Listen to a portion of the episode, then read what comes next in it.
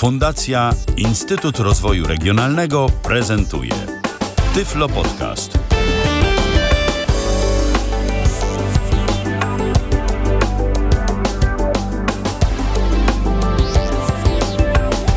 To jest Tyflo Radio, czyli część składowa serwisu podcastowego, pierwszego polskiego podcastu dla osób niewidomych i niedowidzących, Tyflo Podcast.net, www.tyflopodcast.net. Tam nas znajdziecie i tam możecie posłuchać zarówno Tyflo Radia, jak i wielu, wielu podcastów, y, które przez ponad, już ponad 5 lat naszej działalności udało się zgromadzić. To są różnego rodzaju audycje, zarówno w formie prezentacji, jak i mm, zapisy audycji na żywo Y, których także pojawia się ostatnimi czasy coraz więcej, bo jest o czym mówić, a nie wszystko ma sens y, zamieszczać w formie takiej suchej prezentacji. Zawsze warto mm, także niekiedy sobie porozmawiać y, tak po prostu luźno na jakiś interesujący temat. No i dziś myślę, że temat będzie interesujący, bo któż by nie chciał zarabiać? Któż by nie chciał zarobić sobie mm, co nieco? Mm, wiadomo, że zajmując się dzisiejszym tematem, można także stracić. No ale to jest już ryzyko.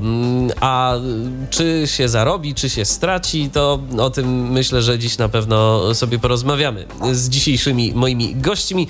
Witam Magdalenę Szyszkę oraz Leszka Głowackiego. Witajcie. Dobry wieczór. Dobry wieczór. A dziś sobie porozmawiamy na temat gry na giełdzie. Czym się zajmujecie? Może powiedzcie na dobry początek, od jakiego czasu E, no my tak właściwie od około dwóch lat już. To ja trochę tak krócej, intensywniej. dłużej, wcześniej e, zacząłeś. No jeszcze mnie. wliczając pierwsze, pierwsze kroki, to można powiedzieć, że około czterech lat się zajmujemy tym. Zajmuję ja. Ja Magdę wciągnąłem po prostu. Ja to tak około roku, no tam ponad rok może. Ale z sukcesami, no skoro dalej to ciągnięcie, dalej gracie, to, to chyba jednak z sukcesami, tak? Bardziej się opłaca. Czasem z sukcesami, czasem nie. Ale raczej, raczej się w ostatecznym rozrachunku, myślę, opłaca. W tamtym roku no, zapłaciliśmy podatek, w tym roku też musimy zapłacić, więc y, od, od zysków, więc y, jakieś zyski z tego są. No i mm, można powiedzieć również, że y, całkiem dobra zabawa przy giełdzie jest. Ale na dobry początek proponuję, abyśmy naszym słuchaczom wyjaśnili, co to właściwie jest ta gra na giełdzie, bo to jest y, temat, o którym się mm, często słyszy w radiach y, różnego rodzaju, na przykład y, podaje się różnego rodzaju notowania akcji, mm, ale być może nie wszyscy wiedzą, o co w tym tak naprawdę chodzi. O co w tej całej grze na giełdzie chodzi? Dlaczego, dlaczego w ogóle mówi się o tym jako, jako gra? No, to może wyjaśnijmy ten temat. To znaczy tak, y, no trzeba zacząć od tego, że mm, giełda jest sposobem inwestowania w swoich pieniędzy, czyli y, zalicza się do tej kategorii, mm, to znaczy może nie do tej samej kategorii, ale mm, mamy do dyspozycji lokaty bankowe, mamy do dyspozycji na przykład takie żywe złoto, które możemy sobie trzymać w domu, mamy różne fundusze inwestycyjne, no i mamy giełdę.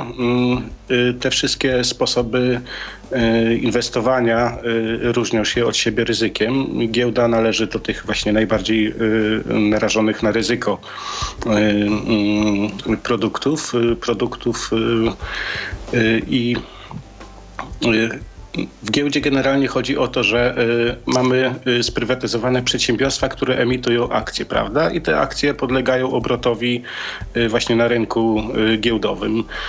Każdy akcjonariusz, każdy uczestnik, każdy gracz może sobie kupić akcje i, i mm, no, liczyć na to, że zarobi, czyli kupić, a później sprzedać, prawda? Można być również różne inne mm, profity z posiadania akcji. No, Czyli ak y, y, akcja to jest taka jakby cząstka wartości danego przedsiębiorstwa, tak? Tak, Danej dokładnie. spółki akcyjnej tak. konkretnie, Czyli... bo to są mhm. zawsze spółki akcyjne. Tak. Mm, jakby inne, innego rodzaju spółki czy przedsiębiorstwa, no tam nie wiem, spółki z ograniczoną odpowiedzialnością mają udziały i tak dalej. Natomiast jeśli chodzi o y, spółki akcyjne, to właśnie one emitują akcje i tymi akcjami obracamy na giełdzie i to są rzeczywiście takie jakby cząstki danej spółki o różnej y, wartości. Mm, one się mm, składają nad tak. właśnie czym obracamy na giełdzie. Czyli stajemy się tak jakby współwłaścicielami danej firmy, kupując akcje. Tak. Mamy również prawo do mm,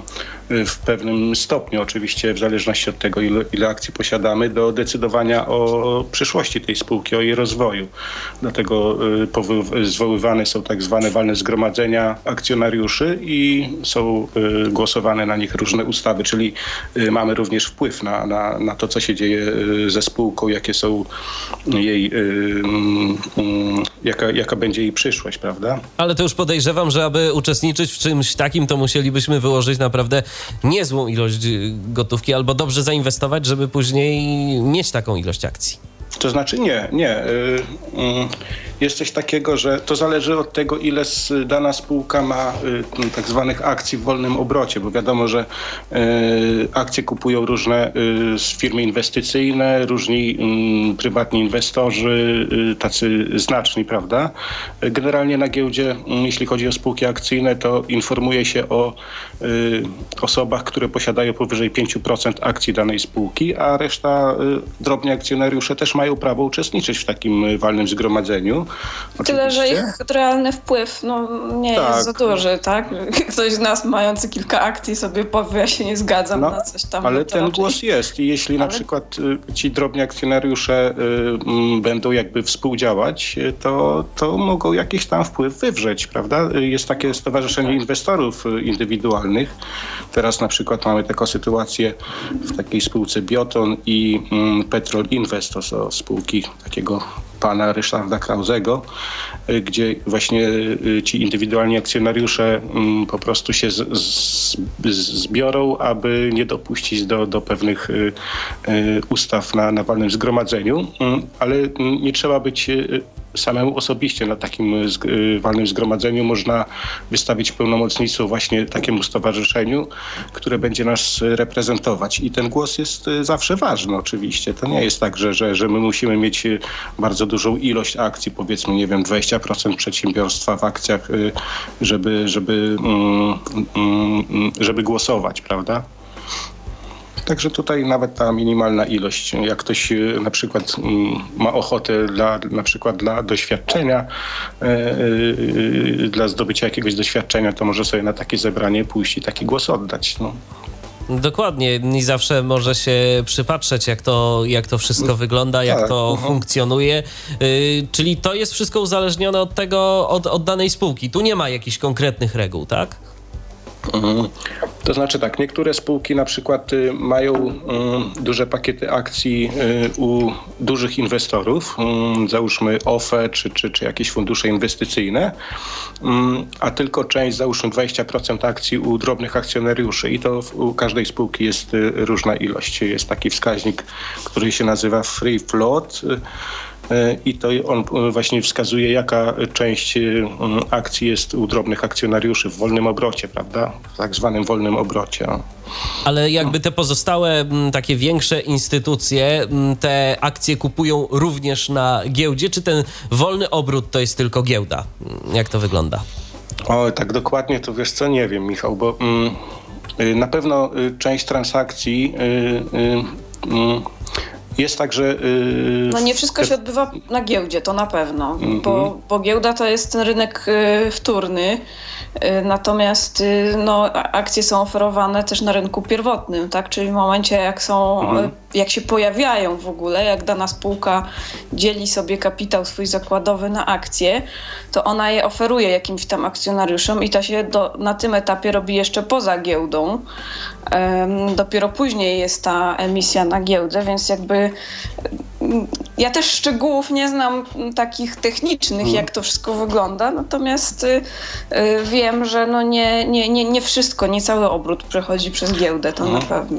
To znaczy, no właśnie przy y, emisji akcji, mm, kiedy spółka wchodzi na rynek, wypuszcza tak zwany prospekt emisyjny i czasem w, są podawane komunikaty, że na przykład taka i taka część jest przeznaczona dla inwestorów instytucjonalnych, tak. a jakaś inna część dla, dla, indywidualnych. dla indywidualnych. No i właśnie wtedy na przykład, wtedy właśnie te instytucje typu OFE mogą nabyć te pakiety akcji i na pewno kiedyś tam muszą je zrealizować i, i, i podaje się takie informacje, że, że właśnie y, y, napływa kapitał na, na giełdę, prawda? To właśnie duży kapitał. Ten duży kapitał to są właśnie różne takie instytucje finansowe, które, które inwestują na giełdzie, więc y, na pewno muszą też kupować. Oczywiście mają dużo lepiej opracowane strategie i, i, i mm, jakby działanie, kiedy kupić, kiedy sprzedać, niż, niż taki drobny inwestor. No na pewno też mają większe zaplecze, bo tam siedzą ludzie przy komputerach pewnie gdzieś tam w jakiś, przy jakichś programach do analizy i, tak, i więcej czasu mogą Oczywiście. na to poświęcić bo no, jak rozumiem, no Magda, ty mm, traktujesz giełdę jako takie jakieś tam dodatkowe, powiedzmy, źródło jakiegoś tam, powiedzmy, dochodu, a Leszku, jak to jest u ciebie, to jest twoje podstawowe zajęcie, czy, czy, czy jednak też to traktujesz w ramach jakiegoś takiego hobby, rozrywki trochę? To znaczy ja w tej chwili tak pół na pół w zasadzie. Mm, no oczywiście z, z tego tytułu, że jestem niewidomym, to tą rentę mam, prawda? E, I, i tylko, że no to jednak wydaje mi się, że na, na giełdzie trochę więcej mogę zarobić niż tą rentę. Mm, niedawno straciłem pracę, także w tej chwili muszę, muszę sobie e, zapewnić utrzymanie dzięki giełdzie. Czyli więcej, ale dzięki temu w tym momencie też więcej czasu możesz na to poświęcić. No i może to się z czasem zwróci też, bo, bo to jest chyba tak, prawda, że im więcej czasu na to poświęcimy, gdzieś tam przeglądanie różnego rodzaju raportów, analiz, czy, czy chociażby przeglądanie tych y, informacji o kursach akcji, to, to mamy szerszy obraz tego, co tam się dzieje na rynku. Znaczy to na, na pewno tak. Mhm. No Magda? No, to na pewno, bo ja, ja widzę po sobie, no, jakby w sytuacji, kiedy czasami mogę sobie gdzieś tam spojrzeć na te kursy czy na jakieś komunikaty w trakcie pracy, gdzieś tam pomiędzy jednym a drugim, czasami w ogóle nie mam na to czasu. Czy jestem w ogóle poza no, poza zasięgiem komputera, ewentualnie tam z iPhone'a mogę sobie coś sprawdzić, y, no to widzę, że, że jednak tych pewnych informacji gdzieś tam mi brakuje i to, że Leszek y, ma na to więcej czasu, gdzieś tam może bardziej intensywnie to śledzić, no to skutkuje tym, że czasami y, mnie tutaj też wspomaga swoją wiedzą. Ja w międzyczasie uruchomiłem naszego radiowego Skype'a o loginie tyflopodcast.net. Piszemy tyflopodcast.net 123 834 835 to jest nasz numer telefonu. 123 834 835 nasz numer telefonu to jest przypomnę numer z krakowskiej strefy numeracyjnej. Numer telefonu stacjonarnego więc opłata jak y, za połączenie z telefonem stacjonarnym. To już zależy z czego do nas będziecie dzwonić i jaki macie wykupiony abonament. Ale zadzwonić można, jeżeli, chce, jeżeli chcecie o coś zapytać moich dzisiejszych e, gości, to e, śmiało. Ja też mam kilka pytań, e, więc przejdę do kolejnego, skoro już się dowiedzieliśmy mniej więcej o co w tej grze na giełdzie chodzi. E, to może powiedzmy teraz, jakie, jak właściwie tam grać, no bo podejrzewam, że to też są jakieś systemy, że to nie jest tylko tak, że raz tu kupimy, raz tu sprzedamy, musi to mieć jakąś y, spójną, sensowną całość, te no nasze inwestycje. Mhm.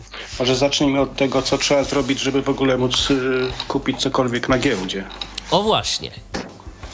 No to tutaj przede wszystkim trzeba sobie otworzyć rachunek maklerski.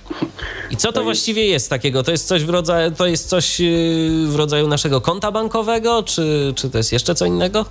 Mhm. Y, to jest w zasadzie produkt dołączany do, mm, do każdego, znaczy no może nie do każdego, ale w większości y, rachunków oszczędnościowych, internetowych, tych w bankowości elektronicznej jest y, możliwość uruchomienia również właśnie y, rachunku brokerskiego czy maklerskiego. No, taki, taki produkt jakby dodatkowy w zasadzie bezpłatny, mm, czy, czy w Aliorze, czy w banku, w większości chyba tych, tych y, banków, które dysponują platformą y, elektroniczną, internetową i nie wiąże się w zasadzie z żadnymi opłatami. Poza opłatami związanymi z transakcjami. Tak, tak. Prowadzenie rachunku, jeśli y, jakiś y, dom maklerski życzy sobie y, opłaty za prowadzenie, to, to, mm, to warto poszukać bezpłatnego, bo to są zawsze dodatkowe koszty. I okej, okay, mamy teraz ten rachunek. Podejrzewam, że zaczynamy od przelania jakiejś kwoty, mm, takiej, mm, którą możemy, na którą możemy sobie pozwolić. Y, od jakiego rzędu kwoty y, warto zacząć? Czy to jest, nie wiem, 100 zł, czy to jest 500 y, zł, czy to jest 1000 zł? Od czego, od czego tak najrozsądniej by było zacząć? A to dobre pytanie jest, myślę, bo ja spotkałam się z teoriami, że poniżej 10 tysięcy to w ogóle nie warto się brać za Ojej. giełdę. E, ja się z tym nie zgadzam. To znaczy pewnie gdzieś tam z czasem człowiek próbuje e, no, inwestować coraz więcej, bo im większa, im więcej się inwestuje, tym więcej można zyskać, ale też stracić. E, natomiast wydaje mi się, że ktoś, kto zaczyna, no niemalże z każdymi pieniędzmi warto spróbować, choćby tak szkoleniowo, tak? Wydaje mi się, że nawet, nie wiem, 100 zł zainwestować, e, zobaczyć, e, co się z tym stanie, zobaczyć, jakie błędy się popełniło. I poznać swoje emocje również. Poznać swoje jest... emocje, mhm. właśnie, bo to jest to, czego nam nie zapewni, myślę, żaden symulator inwestowania na giełdzie, że jednak jak inwestujemy swoje realne pieniądze, nawet nieduże, to już y, możemy trochę tych emocji poczuć i, i, zobaczyć, w jaki sposób reagujemy, bo często rzeczywiście emocje mm, okazują się tutaj kluczowe wręcz. Wspomnieliście o tym, że taki rachunek e, maklerski e, prowadzony jest za darmo, ale jeżeli już trzeba e, dokonać jakiejś operacji na nim, to zazwyczaj są to koszty. Mhm. Jakiego rzędu to są koszty i czy to są koszty od każdej transakcji? Mm, bo to by wychodziło na to, że to całkiem spore nam te koszty zaczną rosnąć, bo tak naprawdę z tego co, z tego, co mówicie, to raczej no, dosyć często trzeba jakichś operacji dokonywać na tym rachunku, tak? Znaczy tak, to są najniższe najniższe koszty to jest y, z tych, co ja znam, to są 3, to jest 3 zł za transakcję, czyli transakcję kupna lub transakcję sprzedaży, czyli płacimy jakby dwa razy przy kupnej i przy sprzedaży y, tą, tą, tą kwotę, y, prowizję i one różnią się w zależności od kwoty. No tak mm, dając dla przykładu mówiąc, jeśli chodzi na przykład o mBank czy, czy Alior Bank, to jeśli inwestujemy załóżmy mm, 500 do 500 zł, to jest koszt około 3 zł, e, a później, y, gdy, gdy, gdy ta, ta, kwota inwestowana jest większa, mm, to prowizja wynosi 0,30 y, bodajże 8 setnych procenta. Mm, Czyli bank podaje to na tej zasadzie, że y, minimum 3 zł y, lub 0,38% od, od kwoty zainwestowanej. I tak jak mówię właśnie, że mm, tą prowizję płacimy dwa razy, przy kupnie i przy sprzedaży. Plus okay. dodatkowym kosztem jest oczywiście jeszcze później rozliczenie y, podatku co roku. No tak, bo Urząd Skarbowy też by chciał coś z tego mieć, jak tak. zawsze. Jak zawsze, niestety. Więc wiemy już, że mm, bez rachunku maklerskiego ani róż, bo to jest nam potrzebne, żeby w ogóle zacząć. No i mamy ten rachunek, przelaliśmy swoje pierwsze pieniądze, no i teraz wypadałoby je w coś zainwestować, tak? Czyli kupić jakieś akcje.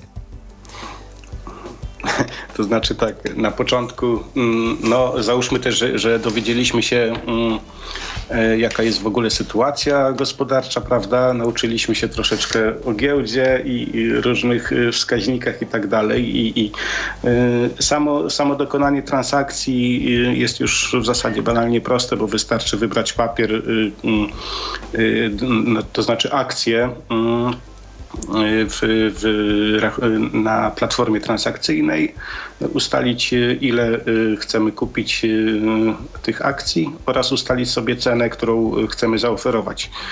I tutaj są różne różne opcje składania zleceń, prawda? czyli możemy wybrać sobie maksymalną kwotę, za jaką kupujemy. Możemy kupić po cenie rynkowej czyli po takiej cenie, która aktualnie jest najkorzystniejsza.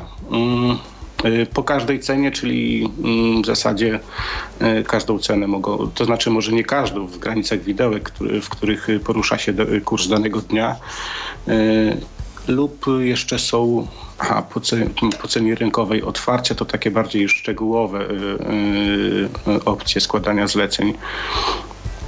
Generalnie no i... lepiej uważać z opcją po każdej cenie, bo to chyba tak, no, no, to znaczy ja, można powiedzieć jeszcze o takim, y, takiej opcji sprzedaży y, z limitem aktywacji. Y, to jest Mm, takie, taka opcja zabezpieczająca, że jeśli na przykład dana spółka ma, y, spada, prawda, i, i, i obawiamy się, że, mm, że stracimy jakąś część kapitału y, i żeby nie stracić zbyt, y, zbyt dużego kapitału, obsunięcie, żeby nie nastąpiło takie obsunięcie kapitału, to wystawiamy takie zlecenie z limitem aktywacji, czyli ustawiamy mm, minimalną, y, to znaczy cenę, mm, y, do której jeśli spadnie kurs, to wtedy jest sprzedawany po każdej cenie, prawda? To nas chroni przed, przed stratą y, jakby większej gotówki. Okej, okay, a mm, pytanie jeszcze w jaki sposób zainwestować, to dobrze Leszku powiedziałeś mm, przed y, omówieniem tych właśnie sposobów, mhm. że warto rozeznać się no, na temat rynku, warto sobie pewne pojęcia przyswoić i tak dalej, i tak dalej. To może pociągnijmy jeszcze przez moment ten mhm. temat. O czym warto wiedzieć na początek? No pewnie gdzieś znaleźć sobie w ogóle jakieś kursy giełdowe, tak, żeby to obserwować, ale to chyba nie wszystko. E, tak, no kursy, mm, no kursy to tak e, już w chwili może składania zleceń by nam się przydały, prawda? E, znaczy sam kurs danego dnia, jeśli gdy kupujemy, ale mm, Y, no warto poczytać trochę różnych wiadomości y, gospodarczych, y, czyli na przykład no w sumie w zasadzie teraz powszechnie wiadomo, że jakiś kryzys w strefie euro jest, prawda? I takie informacje, czy dzisiaj, chociażby dzisiaj taka informacja, że Cyprze coś tam próbują opodatkować depozyty, takie informacje zawsze wpływają na zachowanie giełdy, prawda?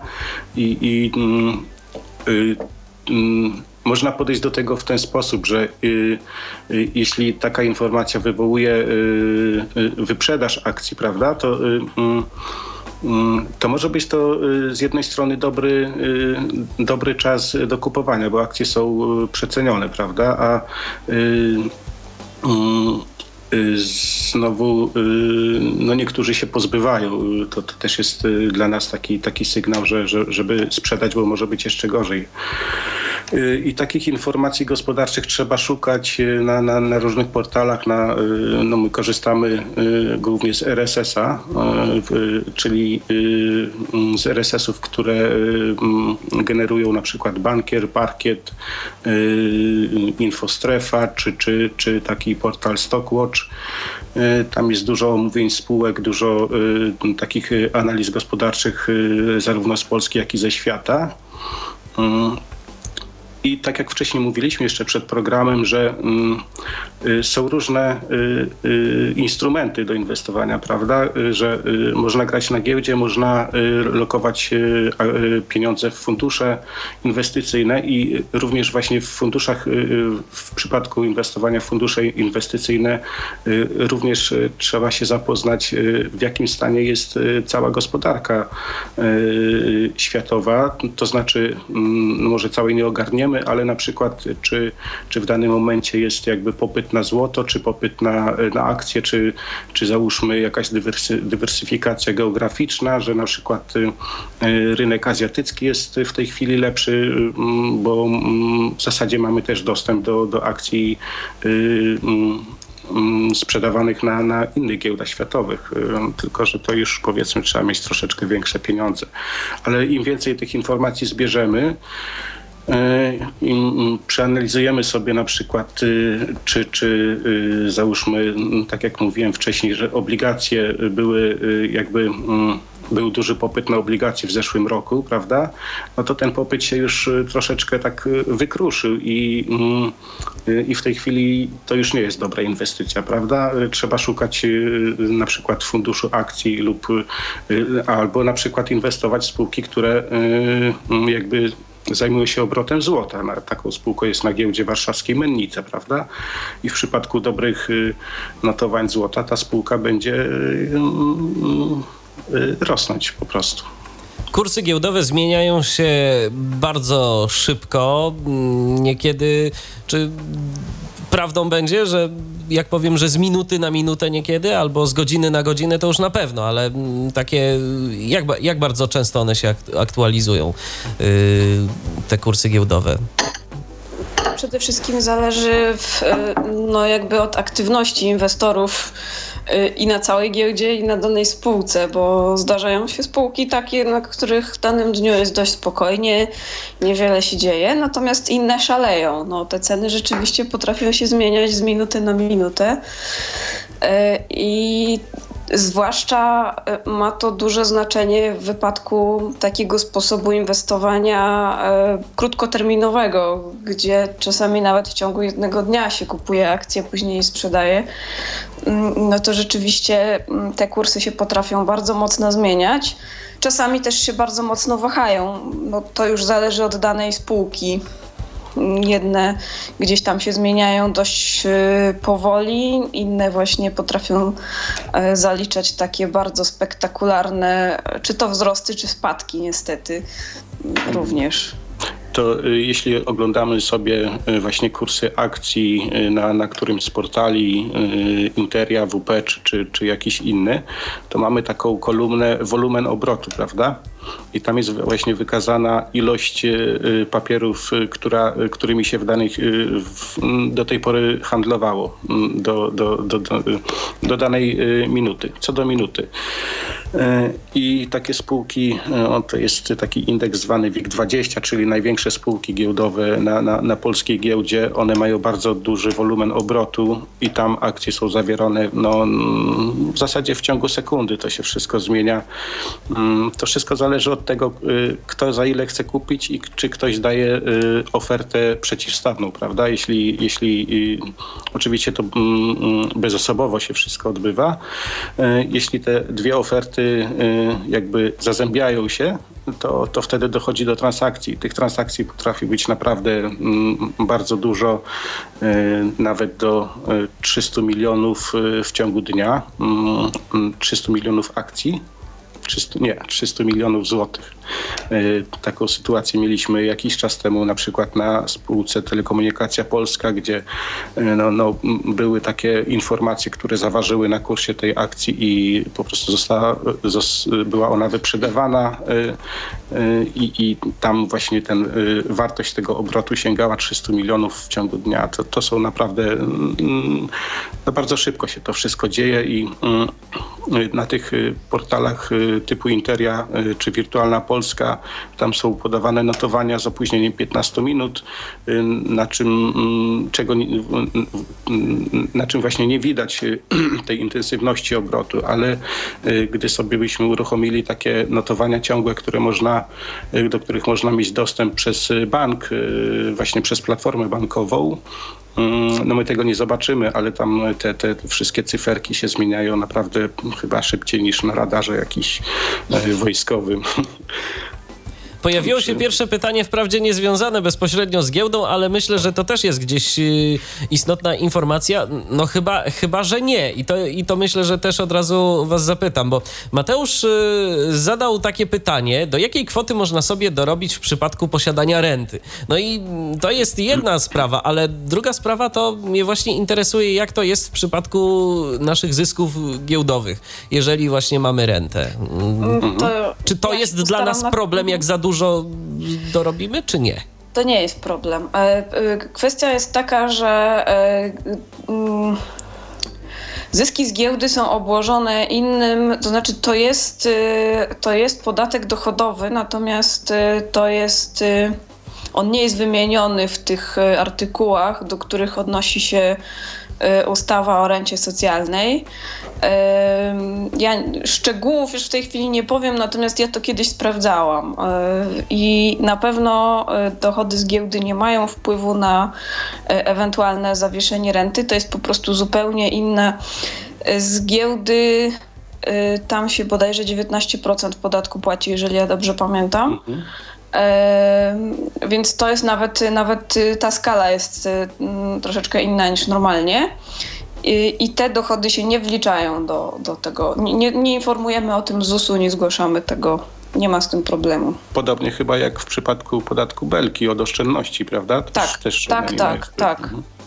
To są rzeczy, które nie są wymienione w tych przepisach, które E, do których właśnie się ta ustawa odnosi, kiedy mówi o możliwości zawieszenia renty. Także tutaj możemy być spokojni, e, możemy sobie na giełdzie zarabiać. Chyba na razie nikt nie dostrzegł takiego niebezpieczeństwa, żeby e, niepełnosprawni na giełdzie mieli się dorabiać takich pieniędzy, żeby to w jakiś sposób no, zagrażało tutaj państwu, że im renty jeszcze wypłacą. To znaczy myślę, że jak ktoś tam operuje na giełdzie pięcioma miliardami, to chyba już zrezygnuje sam z tej renty, prawda?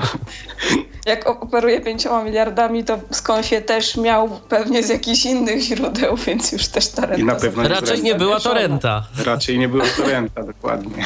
No niemniej jednak to jest zawsze jakiś sposób na dorobienie sobie do, do takiej renty. Szczególnie atrakcyjny, dlatego że nie musimy o tym informować y, ZUS-u i nic ZUS-owi do tego.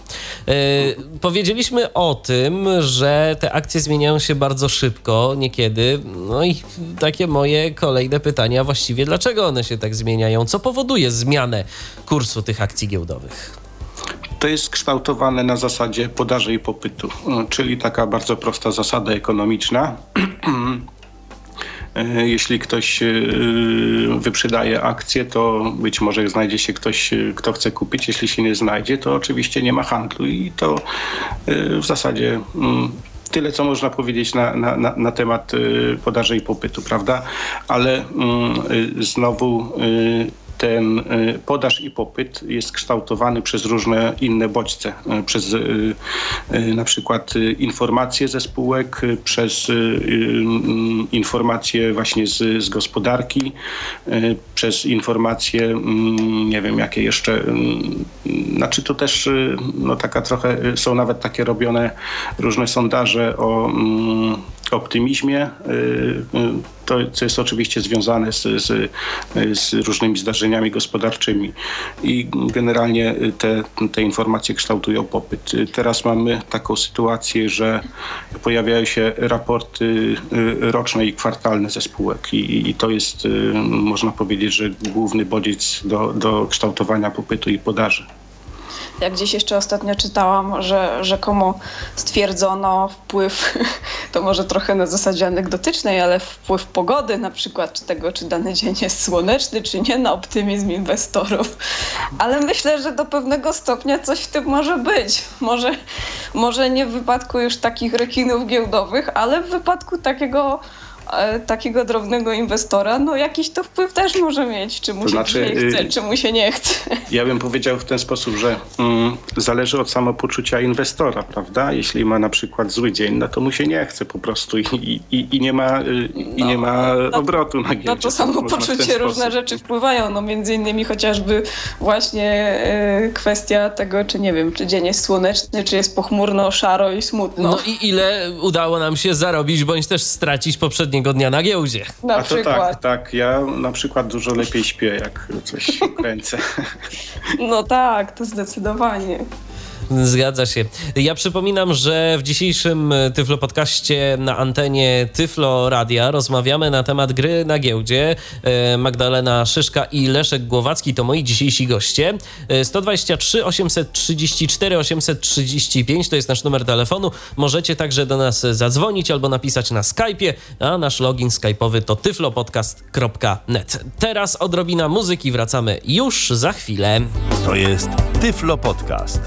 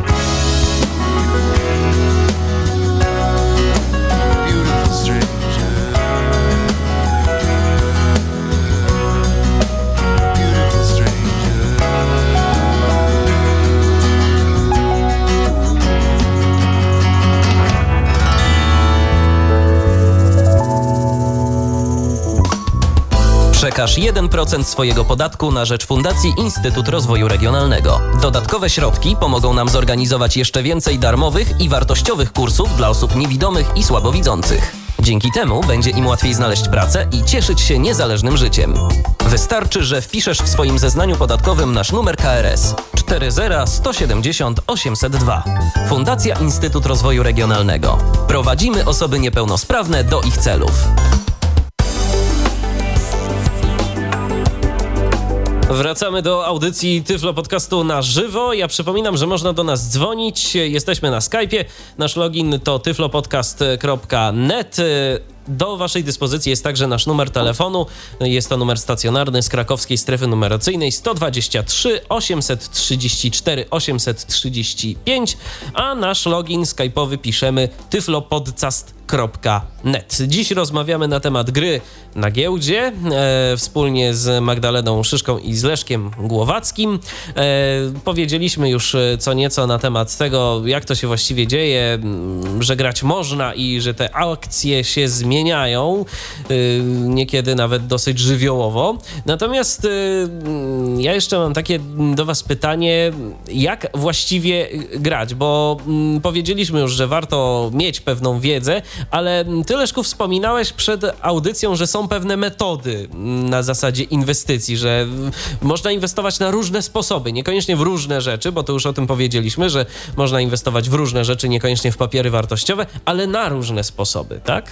Tak, y, to znaczy, mm, to może jeszcze powiem o tym, że mm, że na giełdzie, na akcjach mo, y, można zarobić nie tylko na y, zmianach kursów akcji, mm, czyli sprzedać y, y, y, po wyższej cenie niż kupiliśmy, ale również y, zarabiamy mm, z tak zwanych dywidend, y, które, y, które y, spółki y, notowane na giełdzie y, wypłacają inwestorom. Y, mm, Nie wszystkie spółki wypłacają tą dywidendę.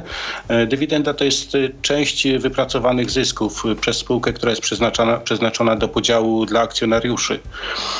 I no, takim, takimi głównymi spółkami, które wypłacają dość regularnie dywidendy, to są spółki Skarbu Państwa, czyli, czyli takie typu PGNiG, KGHM i po prostu jest pewien dzień, w którym jest ustalana dywidenda. Jeśli ktoś w, tym, w ten dzień posiada akcję, to otrzymuje jakiś e, procent tego zysku. To, to są kwoty, tak ogólnie rzecz ujmując, od powiedzmy 3% do, do, do 15% wartości akcji jednostkowej. To tak, jeśli chodzi właśnie o dodatkowe źródło dochodów z akcji, a jeśli chodzi o Y, sposoby inwestowania, to można inwestować właśnie na y, krótki okres, czyli, czyli ten taki, y, taką dzienną sprzedaż, sprzedaż, tak zwany day trading. Można inwestować na powiedzmy średniookresowe w, średnim, w średnim okresie, czyli to, to, są, można tak liczyć od powiedzmy od kilku tygodni do, do, do kilku miesięcy oraz po prostu kupić sobie akcje i czekać y, kilka lat y, y, i ewentualnie po kilku latach zrealizować te zyski. To, to wszystko widać właśnie na giełdzie, kiedy realizowana jest część zysków, gdy, gdy akcje urosły w dość krótkim okresie, to część inwestorów realizuje zysk, który osiągnęli przez te trzy miesiące. Mm.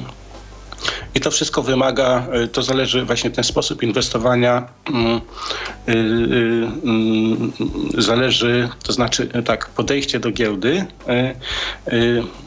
jeszcze inaczej. Powiem tak, y, y, jeśli inwestujemy na y, krótki okres, to używamy innych troszeczkę wskaźników, które musimy sobie gdzieś tam znaleźć lub samemu obliczyć, a innych, inne wskaźniki bierzemy pod uwagę, gdy inwestujemy na dłuższe okresy. Wtedy inaczej jakby analizujemy całą spółkę, prawda? Są takie wskaźniki fundamentalne, które mówią nam na przykład o zwrocie z, z, z jednej akcji, czy, czy wartości księgowej przedsiębiorstwa, w jakim, y, y, w jakim ona jest aktualnie y, stanie, czy jest mm, przeszacowana, czy niedoszacowana. No tych wskaźników jest masa i, i warto o nich sobie przeczytać, jeśli, jeśli chcemy na jakiś tam dłuższy okres czasu zainwestować, to musimy, musimy zobaczyć, w jakiej, w jakiej sytuacji finansowej jest ta spółka, prawda? Czyli to nie jest na zasadzie, bo ja tak w pierwszym momencie pomyślałem sobie tak, takie długoterminowe inwestycje inwestycje to są dla tych, którzy nie, którzy nie mają czasu ani chęci na to, żeby sobie y, gdzieś tam codziennie te kursy śledzić. Y, tylko dla tych, którzy sobie wolą raz zainwestować, a kiedyś tam powiedzmy mieć z tego zwrot, kiedy będą mm, mieć trochę więcej czasu. To jednak nie na tym polega rzecz.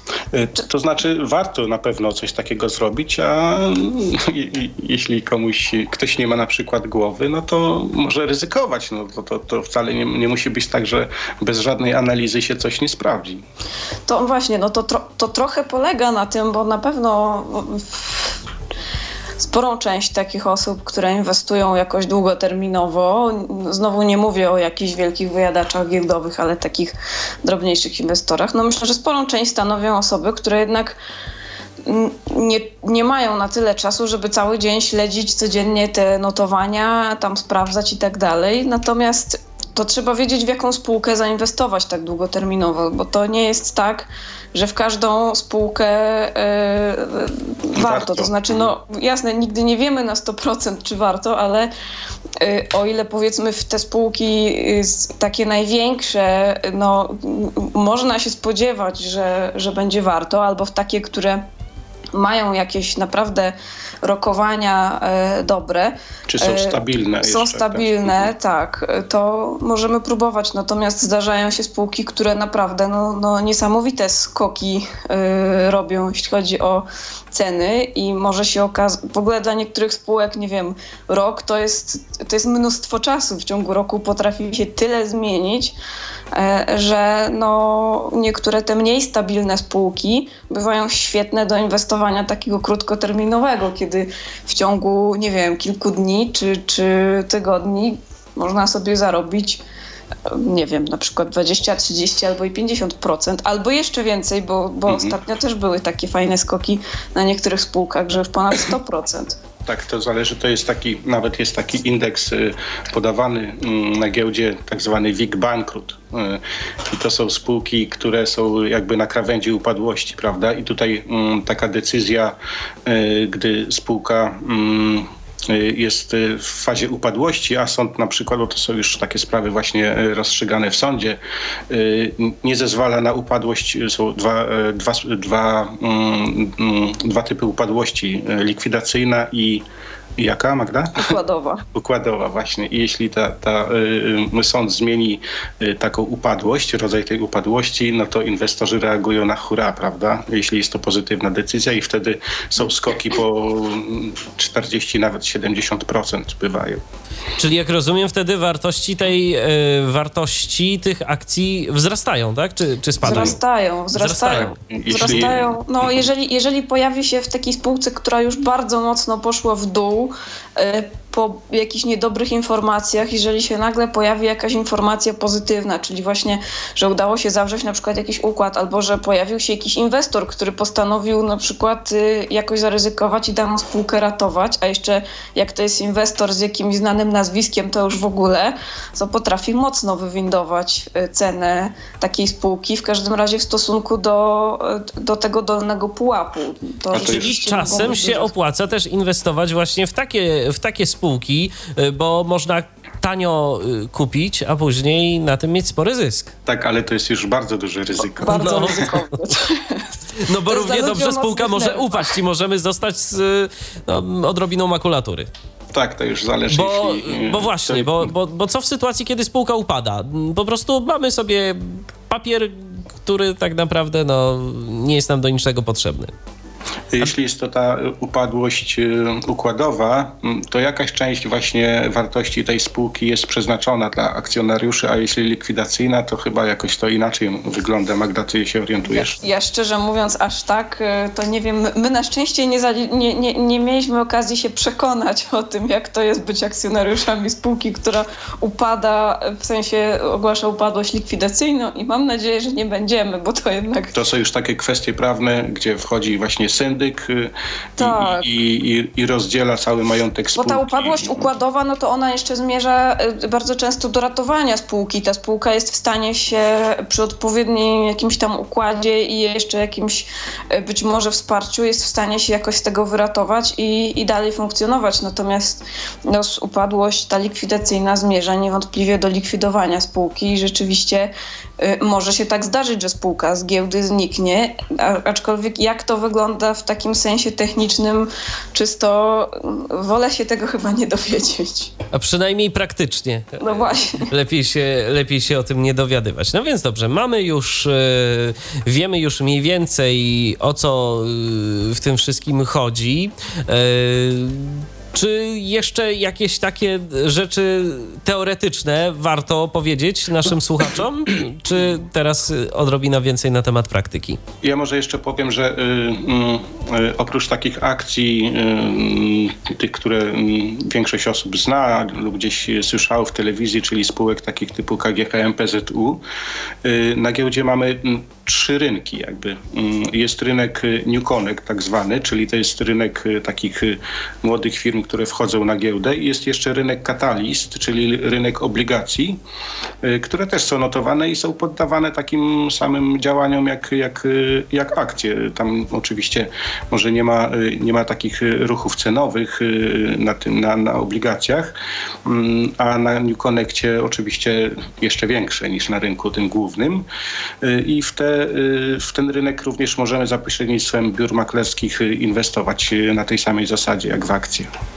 E, a czy są jakieś takie opcje, jeżeli to podejrzewam, musimy już mieć e, nieco więcej gotówki, żeby e, się w coś takiego bawić, ale jeżeli nie mamy dostatecznej wiedzy, ani też czasu na to, żeby, żeby się tym zajmować, czy mamy jakąś na przykład taką opcję, żeby zlecić to komuś, aby dokonywał za nas jakichś różnego rodzaju inwestycji, oczywiście licząc na to, że, że zrobi to z zyskiem i później, i później się z nim dzielimy jakąś tam y, kwotą?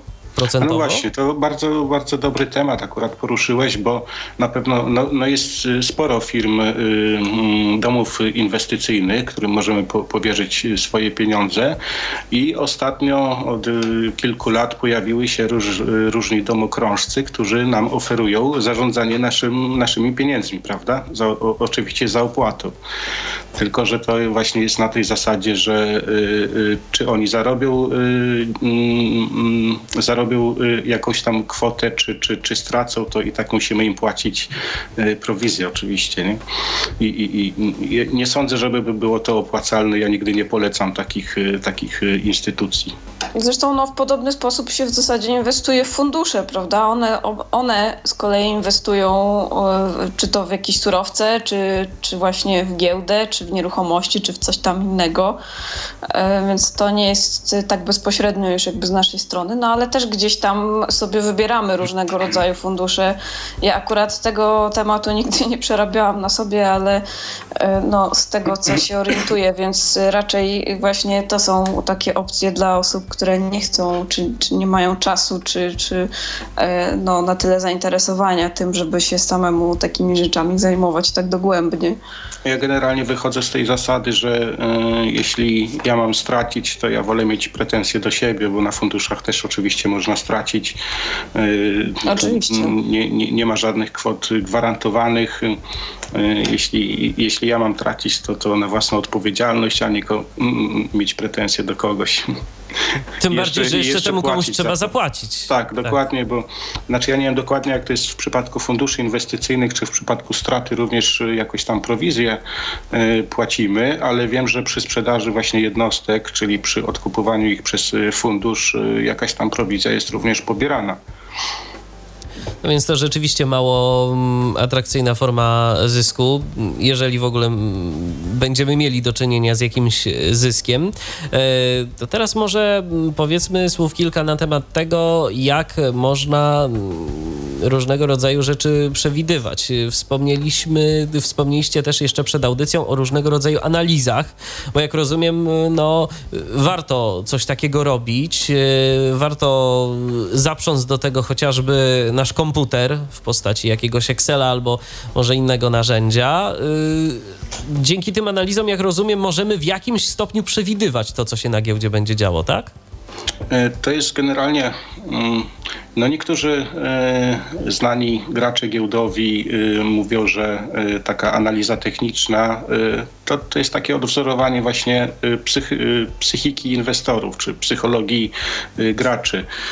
No i tak jak mówię, właśnie to jest jeden, jedna z typu analiz, czyli ta analiza techniczna wykresu, jest również ta analiza fundamentalna, która y, informuje nas o kondycji spółki, y, czyli, czyli jej wartości, y, generowanych zyskach czy przewidywanych zyskach, wypłacie dywidendy. Na takie rzeczy się zwraca w, w przypadku dłuższego inwestowania.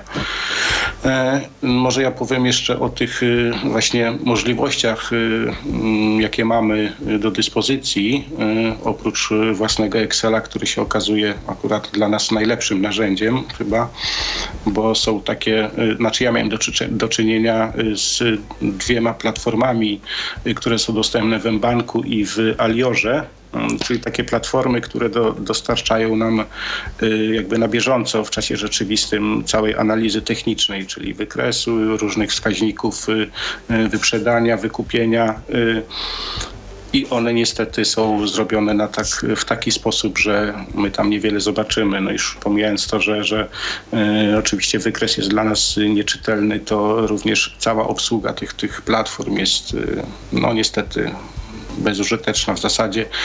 E, bezużyteczna choćby dlatego, że mm, tak jak testowałem, to nie, jest, nie byłem nawet pewien, który, którą akcję kupuję, czyli, czyli to jest narażone na zbyt wielkie ryzyko używanie czegoś takiego. No a Excel to niestety, no, no tutaj musimy sami gromadzić sobie e, dane z, z całego dnia i ewentualnie e, obliczać różne wskaźniki. E, dla mnie takim najprostszym mm, wskaźnikiem jest taka wstęga Bollingera, która bierze pod uwagę średnie ruchome oraz odchylenie standardowe to są, mm, to są mm, rzeczy, które możemy bez problemu w Excelu sobie obliczyć. Gotowe formuły są nawet. I można się tym posługiwać. Ja, ja jestem zdania, że im prostszy wskaźnik, tym, tym w zasadzie jest dla nas bardziej czytelny, a im, im więcej wskaźników, tym bardziej można sobie zamydlić cały obraz, cały obraz kursu, zmian kursu.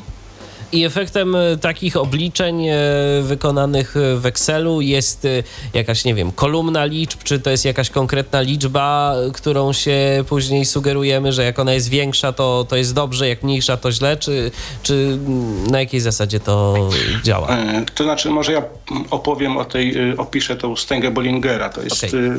on ten wskaźnik polega na wyznaczeniu średniej ruchomej, z, najczęściej z 20 sesji. Średnia ruchoma to jest zwykła średnia arytmetyczna. To teraz, e, y, to teraz jeszcze Leszku ci przerwę. Sesja mhm. to jest y, jeden dzień, tak? Czy... Tak, tak, tak. Mhm. Okej. Okay.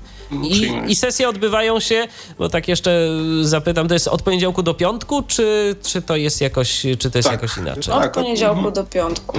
Nie ma sesji w święta, w niedzielę, no od poniedziałku do, robocze. Od 9 do 17.30, od, y, chociaż teraz już są jakieś tam postulaty, że sesja ma być skrócona y, bodajże do 15 chyba, czy, czy nawet jeszcze krócej, nie wiem, nie wiem z jakich powodów, ale są takie plany, żeby skrócić sesję. E, to znaczy my możemy sobie na przykład y, też taką w różnych programach analizujących wyznaczyć sesję 15-minutową i to na tych wskaźnikach wszystko zobaczyć, co się działo w ostatnich 15 minutach, prawda? Mm, a wracając do tej wstęgi Bollingera, y, my wyznaczamy sobie taki kanał, w którym porusza się dany kurs danej akcji, y, danej spółki, prawda? Y, I mm, tak jak mówię, średnia arytmetyczna, czyli bardzo prosto w Excelu, czy, czy mm, każdy, każdy się z nią zetknął na pewno. E, a ruchoma, e, średnia arytmetyczna ruchoma, chodzi o to, że jest e, dodawany każdy kolejny dzień do, do, do tej średniej i wyznaczane jest podwójne odchylenie standardowe od, od tej średniej, mm, czyli mm, odchylenie plus w górę od tej ceny średniej i, i w dół. Czyli mamy taki jakby kanał, prawda? E, plus dwa odchylenia standardowe i minus dwa odchylenia standardowe. I można zauważyć, że kurs akcji w jakimś tam e, tym okresie, powiedzmy 20 sesji, e, porusza się między tymi widełkami.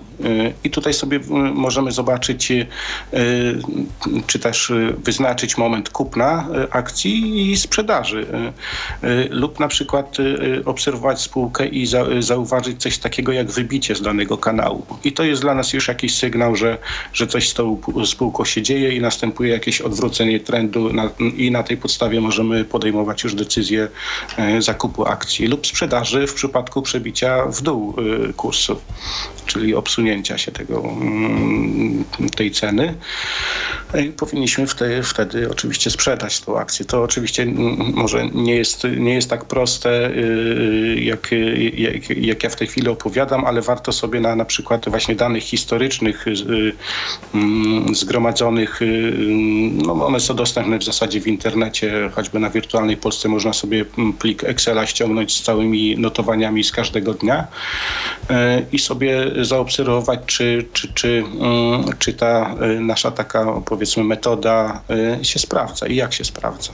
No właśnie, z twojego Leszku i twojego Magdo doświadczenia takie wyliczanie za pomocą Excela to jest bardzo skuteczne, czy, czy raczej tak sobie i no przede wszystkim warto jeszcze również śledzić te różnego rodzaju doniesienia z serwisów gospodarczych. No to na pewno warto śledzić, ale chodzi mi o to, jak taka, takie proste po prostu wyliczenie, yy, na ile jest ono skuteczne. Średnio. Średnio, aha. To znaczy średnio też dlatego, że mm, no niestety to, to się tak wydaje, tak, że, że to powinno być skuteczne. Ewentualnie y, jakieś tam zdarzenia różne mogą gdzieś tam na to wpłynąć, no ale tych zdarzeń jednak jest sporo. Bo, bo, bo te takie wyliczenia no jednak nie biorą pod uwagę tego, że nagle spółka na przykład ogłosi y, raport, w którym wykaże jakieś y, fatalne wyniki. Albo coś tam się stanie, nie wiem, ktoś tą spółkę pozwie do sądu jakieś miliardowe odszkodowania za coś tam, albo spółka w ogóle przegra jakąś sprawę na przykład.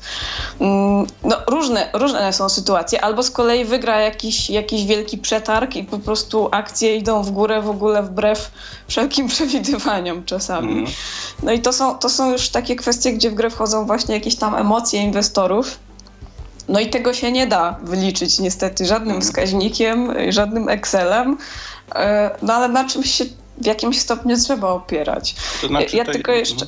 Ja mhm. tylko jeszcze dodam, że czasami na mm, stronach internetowych różnych, między innymi na Stockwatchu, na Parkiecie, czasami chyba też pojawiają się informacje o tych analizach technicznych, to znaczy na przykład właśnie możemy czasem znaleźć informacje o danej spółce, jak, w jakim ona tam kanale się porusza, y, jakie ma punkty wsparcia, punkty oporu, czyli te, te punkty, których warto, y, poziomy wsparcia oporu, te poziomy, których warto pilnować, żeby y, właśnie wiedzieć, kiedy generowany jest sygnał kupna czy, czy sygnał sprzedaży. Więc powiedzmy, no nie zawsze musimy sami to wszystko wyliczać w Excelu, gdzieś tam czasami takie informacje możemy znaleźć, ale to oczywiście no, o tych spółkach, którymi akurat ktoś się zajmie i to wyliczy i poda. Mhm. To znaczy, mm, ja bym powiedział tak, że y, gdyby właśnie y, ceny akcji poruszały się, y, mm, znaczy istniały w warunkach sterylnych, niezależnych, właśnie tak jak Magda mówi, od różnych takich zdarzeń ubocznych, to, mm, to ta analiza działałaby na tej zasadzie, że skoro wszyscy ją stosują, prawda, wszyscy właśnie. gracze, to można, to można przewidzieć ich zachowanie, nie? E, bo, no bo na pewno część graczy jest takich, którzy e, preferują analizę techniczną, inni preferują e, analizę fundamentalną, jeszcze inni właśnie grają na, pod, pod różne zdarzenia, typu właśnie dywidenda czy raport. I, mm, a takich zdarzeń się w analizie technicznej nie uwzględnia. Gdyby, gdyby wszyscy gracze mm, poruszali się, posługiwali się dostępnymi wskaźnikami, Mm, dostępnymi analizami, czy to właśnie wstęgu Bollingera, czy, czy jeszcze tam są różne takie wskaźniki RSI, oscylator stochastyczny, y, linia MACD, e, to, e, to byłoby to bardzo łatwe do przewidzenia i faktycznie mm, się sprawdzało. No i wtedy ktoś mógłby postąpić inaczej i pewnie ten, kto by postąpił inaczej, zgarnąłby więcej dzięki mm. temu.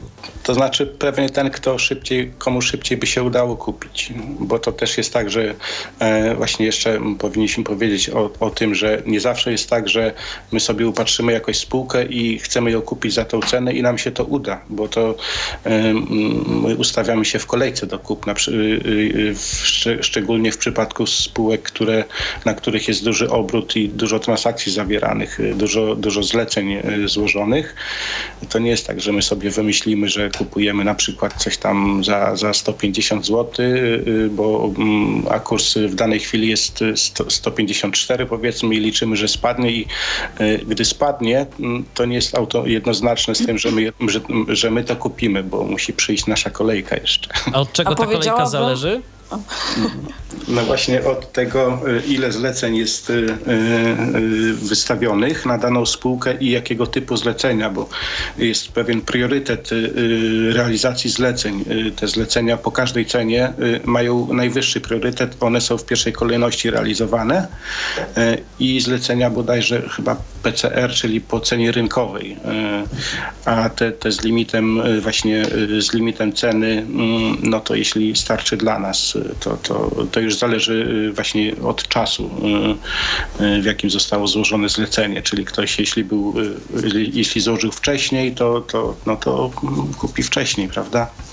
I wtedy na naszym rachunku pojawia się taka informacja, że no niestety nie udało się, tak? Tak, zlecenie no, tylko, nie że ona się pojawia tak naprawdę po zakończeniu sesji, więc tak sobie czekamy, czekamy. Czy to się uda, czy się nie uda. Yy, aha, czyli to nie jest realizowane tak na bieżąco, że na przykład my klikamy, powiedzmy sobie, kup teraz no nie, nie, no, to, sobie nie. Tam, to sobie tam gdzieś wisi, tak? I czeka, uda się albo się nie uda. Mhm. Ale ja możemy zmodyfikować jeszcze zlecenie. Tak, tak. Ale ja powiedziałabym, że jeszcze gorszą rzeczą jest to, że nie tylko akcji nie zawsze można kupić, ale je też nie zawsze można sprzedać. No właśnie, to jest I to jest, Też jest kolejka? Powiedziałabym, że to jest gorsze. Tak. Dlatego, że jak mamy akcje takie, które na przykład gruchnęła jakaś niedobra informacja, jakiś zły raport czy coś tam innego, ludzie się rzucają do sprzedawania tych akcji i w tym momencie cena leci w dół. Y, człowiek widzi, że po prostu już zaczyna tracić, więc y, żeby, nie, żeby zminimalizować te swoje straty, chce to już sprzedać, a to się nie da. I czasami po prostu to zlecenie sobie tam wisi, wisi, człowiek sobie siedzi i patrzy, jak ta, jak, jak ta cena spada i nic nie może zrobić. To jest najgorsze. To znaczy może wystawić e, zlecenie No PKC może wystawić, no tak, no ale wtedy A co to takiego jest? Po każdej cenie. Aha. Ale wtedy, wtedy no to się może okazać, że się bardzo zdziwi, po ile to sprzedał. Mhm. No tak, jest taka spółka, już słynna chyba na giełdzie Bioton, na której y, zlecenia są wystawione, y, tak jak patrzyłem właśnie na tym, na, na, na karcie zleceń, y, ofert, na chyba, ja wystawiłem, bo mam tą spółkę niestety, na miesiąc do przodu, ale są zlecenia wystawione, podejrzewam, że nawet na pół roku do przodu już. To znaczy, wszyscy chcą się tej spółki akcji pozbyć? Niektórzy rozumiem? chcą się pozbyć po, po jakiejś cenie, która, która ich satysfakcjonuje, ale są też zlecenia kupna, również wystawione daleko, daleko do przodu, po cenie jeszcze niższej niż jest w tej chwili, to dużo niższej. Czyli na przykład ktoś sobie za dwa grosze wystawił taką, no. kupno takiej akcji, bo a nuż ta spółka do tej, do tej ceny dobije i liczy, że wtedy będzie mógł zarobić, jeśli ona na przykład y, wzrośnie do 3 groszy, no to ma 50% zysku, prawda? No to jest w ogóle genialne. Ja sobie kiedyś wykoncypowałam tak, taki świetny pomysł. Miałam właśnie bioton się wahał między 6 a 7 groszy, więc sobie pomyślałam, że fajnie można by tak kupić jednego dnia za 6, drugiego sprzedać za 7 i tak sobie zarobić. Tylko to niestety nie jest takie proste. To, no to nie trzeba bo, by było pracować. No, no właśnie, bo tego się niestety potem nie da sprzedać za te 7 groszy, bo jak ta spółka sobie oscyluje między 6 a 7, to nikt tego za 7 nie będzie kupował, a w każdym razie no, nikt rozsądnie myślący. A właśnie, to ciekawą rzecz też e, poruszyliście, mianowicie ceny akcji. 6 groszy, 7 groszy, no to tak wydawałoby się, że niewiele, a są e, spółki, które pewnie mają zdecydowanie droższe te akcje, tak? Ale są i tańsze Oj, tak. Są i tańsze, bo najtańsza spółka, która jest teraz na giełdzie, to jest taka hydrobudowa, która właśnie zbankrutowała w związku z, no w ostatnim roku, nie wiem, mm, bodajże, no mniejsza o to, w związku z czym, ale kosztuje jeden grosz. E, jest właśnie w fazie upadłości już. E, czasem widziałem, że skakała do dwóch groszy, no to, czyli e, dzienny wzrost 100%, ale najdroższa wow. spółka, najdroższa spółka na giełdzie to jest spółka LPP, czyli właściciel marki Reserved, ta odzieżowa. Taka, kilku marek odzieżowych. Kilku marek. No, tak, Ona w tej chwili kosztuje 5600 zł jedna akcja. Um, no to rzeczywiście. My sobie tak z Leszkiem czasami marzymy, że sobie kiedyś jedną akcję kupimy. Ale jak trochę stanieje. Ale, no ma, ale ma perspektywy wzrostu nawet do 6 tysięcy. Ale jaki to ból, słuchajcie, jak się kupi taką akcję za te 5 tysięcy, a ona później tak spadnie do 20. Do dwu... groszy. Ale, ona, nie, no, ale, ale to ale tak ta, szybko nie może spaść. Ale ta no, spółka od jakiegoś czasu sukcesywnie rośnie i naprawdę no, odkąd y, ja gdzieś tam gram na giełdzie, to ona, y, ona kiedyś była jeszcze pamiętam po trzy chyba coś, prawda? Jakoś nie wiem dokładnie ile, ale... Wakacje była po 2900 jeszcze. O, nawet, no nawet. Także naprawdę konkretne pieniądze I tutaj właśnie na tej spółce widać, jak się spółka rozwija, bo oni e, gdzieś tam inwestują, otwierają różne sklepy w Rosji i na południu Europy i to przynosi właśnie ten skutek, że zwiększają sprzedaż, czyli ta e, cena akcji rośnie. Dokładnie. No. Mhm. I na pewno, na pewno są tacy, którzy jak ich stać, to po prostu inwestują i liczą, że będzie z tego jeszcze większy zysk. Dokładnie. Mhm. Już niedługo. Ja przypominam, że można do nas dzwonić 123 834 835 to jest nasz numer telefonu. E, Skype o loginie tyflopodcast.net. Piszemy tyflopodcast.net również jest do waszej dyspozycji. Przypominam, że dziś rozmawiamy z Magdą Szyszką i z Leszkiem Głowackim na temat gry na giełdzie. To teraz e, znowu odrobina muzyki i do rozmowy wrócimy za chwileczkę. Tyflo, tyflo, tyflo, tyflo, tyflo, To jest Tyflo Podcast.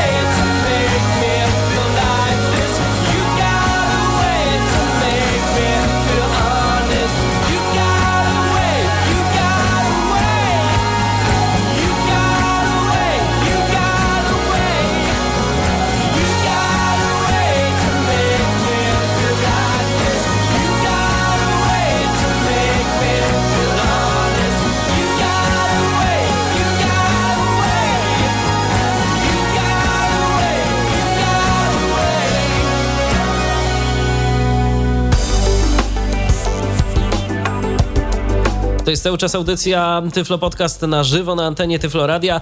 Dziś, przypominam, rozmawiamy o grze na giełdzie. Magda Szyszka i Leszek Głowacki to moi dzisiejsi goście. Jeżeli chcecie zadać im jakieś pytanie, to dzwońcie śmiało. 123 834 835 oraz skype tyflopodcast.net. Piszemy tyflopodcast.net. Wracamy do dzisiejszego tematu, tematu interesującego, no bo zarobić można, ale jak podkreślają moi dzisiejsi goście, stracić też. Oczywiście życzymy wszystkim tym, którzy będą próbować swoich sił samych zysków, bo tracić to zdecydowanie jest nieprzyjemnie. E, więc teraz proponuję, abyśmy porozmawiali na temat e, różnego rodzaju narzędzi dla nas dostępnych, dzięki którym możemy i te operacje giełdowe śledzić i zarządzać tym wszystkim. Wspomnieliście na początku o rachunku maklerskim. Więc jak to jest z dostępnością? Co testowaliście? Jakie banki yy, i jak one sobie radzą, jeżeli chodzi o współpracę z naszymi czytnikami ekranu? Mm, to znaczy, mm, generalnie ja mm, obsługuję w tej chwili M-Bank i Alior. Generalnie dostępność jest mniej więcej taka sama y, i dla nas nie ma tutaj właściwie żadnych jakichś przeciwwskazań czy, czy braku dostępu. Te strony są w miarę przyzwoicie zrobione i, i, i dość łatwo jest złożyć zlecenie. W tych platformach takich transakcyjnych, o których mówiłem, specjalistycznych do, do gry na giełdzie, mm, również są różne opcje, które można, znaczy, gdzie można zlecenia kupna i sprzedaży wykonywać z poziomu tej platformy, ale cała platforma jest, tak jak mówiłem, niedostępna i, i również mm, no, kupowanie poprzez taką platformę może być niebezpieczne. Na tyle, co testowałem, to po prostu nie wiedziałem, którą akcję kupuję, e, więc e, no, niestety to się może źle skończyć. E, może się okazać, że mamy coś, coś, czego nie chcieliśmy mieć, ale ogólnie takie zlecenie sprzedaży i kupna w, w mm, domu maklerskim na portalu, na, na platformie mBanku czy Aliora, to znaczy na stronie Aliora i mBanku mm, jest jak, jak, jak najbardziej dostępne. Mm, y, poza tym jeszcze y, no my korzystamy z różnych serwisów internetowych, gdzie, gdzie y, są podawane różne informacje i to są strony na tyle dostępne, na ile jest dostępny dla nas internet, także tutaj nie ma jakichś przeciwwskazań. A zapytam o taką rzecz. Kiedyś, w, czy w różnego rodzaju literaturze, czy, czy w filmach widziało się coś takiego, że jakiś tam powiedzmy biznesmen siedzi sobie w biurze i dzwoni do jakiegoś pana przez telefon, dobra, kupuj to, sprzedawaj to, a, a, to, a z tym jeszcze poczekaj. Y, tego typu usługi nadal się praktykuje? Takie, takie telefoniczne jakby operowanie tym naszym rachunkiem, czy, czy to już jest y, przeszłość? E, wydaje mi się, że jeszcze takie usługi są, e, jeśli, e, znaczy ja tak dokładnie nie wiem, czy, czy wszystkie domy maklerskie, ale chyba w tym kierunku idą, żeby jednak tą obsługę udostępniać przez internet. Jest kanał telefoniczny do banku i również do, do, do domu maklerskiego danego banku. Jeszcze jakieś, mm, ja nie wiem, jak pierwszą przygodę taką z giełdą zaczynałem w 97 roku, to, to właśnie w ten sposób składałem zlecenia, że co rano trzeba było zadzwonić e, do, do, e, do banku i złożyć e, zlecenie w, na, w specjalnym kanale, ale no, nie widziałem ostatnio czegoś takiego.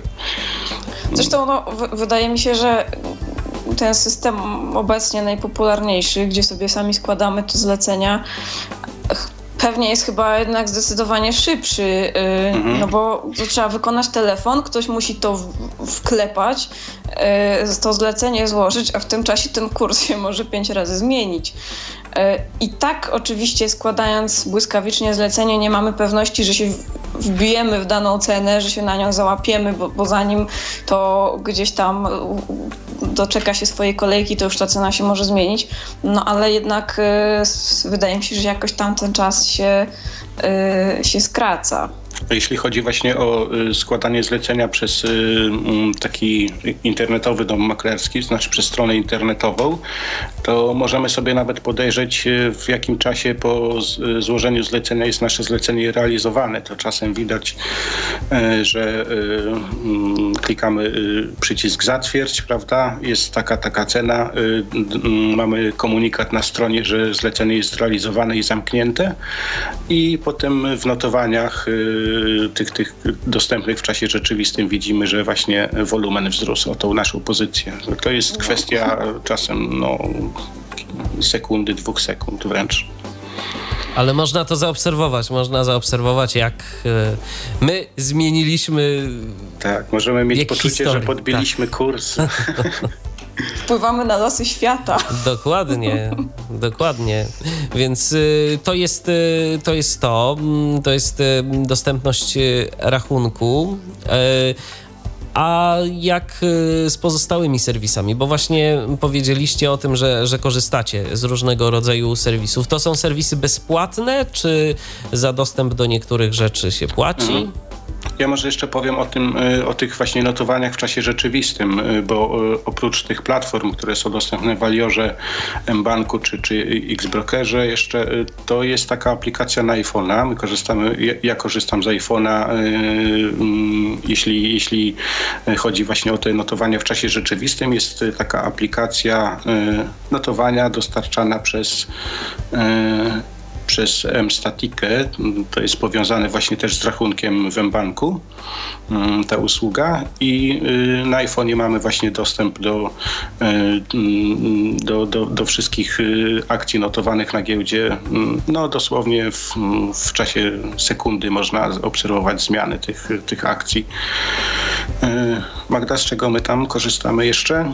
Ja tylko jeszcze może dodam, że można sobie tam zawsze właśnie wejść w daną spółkę, zobaczyć zobaczyć, y, jaki był minimalny kurs, jaki był y, maksymalny kurs. Y, no właśnie ten obrót sobie tam podejrzeć. No trochę tam opcji takich jest, które też możemy zobaczyć.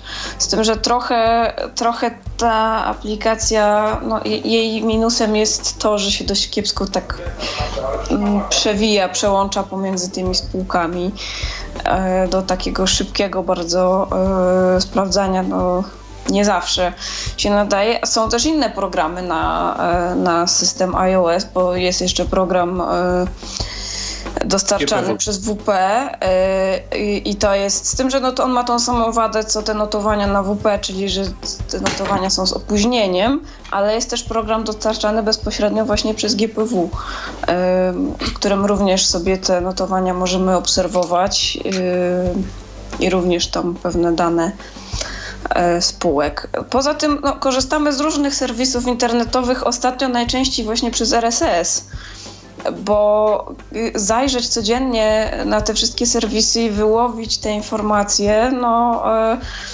zajmowało to mnóstwo czasu i myślę, że RSS tutaj jest rzeczywiście dobrym pomysłem, bo sobie można w miarę szybko przejrzeć, co tam nowego się pojawiło. Korzystamy w sumie z różnych serwisów. No, korzystaliśmy ze Stockwatcha, który był, którego część funkcji jest płatna. Również z parkietu, który tam umożliwia przeczytanie ilu? 20 artykułów? 25 artykułów 25 w ciągu miesiąca, ale no, oczywiście też można sobie wykupić abonament. Na, na, na... Można SMS-a wysłać, dostać też tam dostęp. Także również no, jest, to, jest to jakaś opcja. Parkiet się ostatnio pogorszył jeśli chodzi o dostępność, coś tam się zadziało nie, niedobrego w tym względzie, no ale jakoś się to tam da obsłużyć. No, nie jest to tak, żeby się nie dało w ogóle. No a poza tym właśnie te serwisy, o których chyba już tu Leszek wspominał, bankier. Yy... To znaczy, mm, aha, jeszcze jest taka strona ciekawa, y, Business Radar, tak? A, tak. Business Radar. Tam jest, o właśnie tak, jeśli taka strona by była e, mm, dość przyzwo, przyzwoita, rzetelna i wiarygodna, mm, bo to mm, też trzeba trochę czasem się przyjrzeć metodologii czy, czy, i sprawdzić, czy, czy oni rzeczywiście dobrze obliczają różne tam rzeczy podawane na stronie, to bardzo taka e, strona dla nas przydatna, dlatego że tam są y, te wskaźniki, y, które widać na wykresach okresach podawane e, w formie liczbowej i to, to jest dla nas już e, cenne. No, ona jest ogólnie dostępna bez żadnych e, abonamentów. Ja czasem z niej korzystam, aczkolwiek jak się tak przyglądam mm, tym wskaźnikom i, i mm, takim jakby rekomendacjom, które się pojawiają na tej stronie, tak, tak można to nazwać, czy tam są wyszukiwane spółki, które są jakby na fali w danym, w danym czasie, w danym okresie i podawane na, wyszygławiane na tej stronie, to niestety nie zawsze się to sprawdza. To mm, trochę jest tak, że mm, ta informacja jest y, mm, albo zbyt późno, albo się, y, mm, albo rynek nie idzie właśnie w tą stronę. Tak może sami to, najpierw wykupują. Być może, to jest może trochę takie napędzanie rynku, ale zawsze trzeba właśnie brać namiar na takie, takie różne y, informacje na portalach, bo, bo nie zawsze rynek reaguje w ten sposób, w jaki, jaki, jaki się wydaje, że, że powinien zareagować na danym portalu, prawda?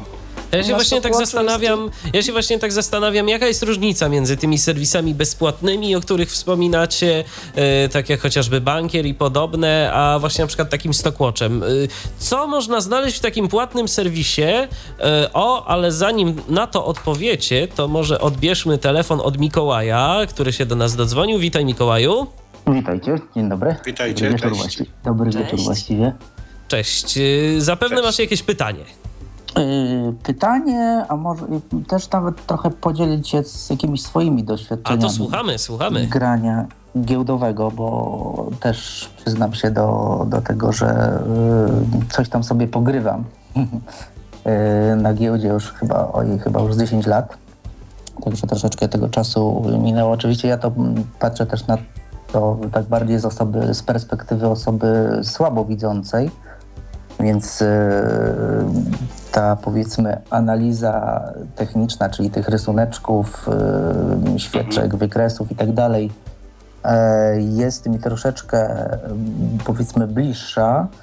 Natomiast też powiem, że z tymi narzędziami do analizy technicznej też bywa, bywa powiedzmy różnie, bo niektóre sobie można bardziej lub mniej dostosować do powiedzmy potrzeb osoby słabowidzące. Bywały takie programy, z których kiedyś korzystałem. Jeszcze nawet chyba, y, no to już było trochę y, czasu temu, mm, pod y, tymi pierwszymi Windowsami, chyba kiedyś nawet dawno, dawno temu pamiętam, kiedy się tak zacząłem giełdzie przyglądać, jeszcze wtedy nie grałem, to mm, pamiętam, miałem takiego sąsiada, który który intensywnie, intensywnie y, na giełdzie grał, in- inwestował i on jeszcze korzystał z programów pod DOSem.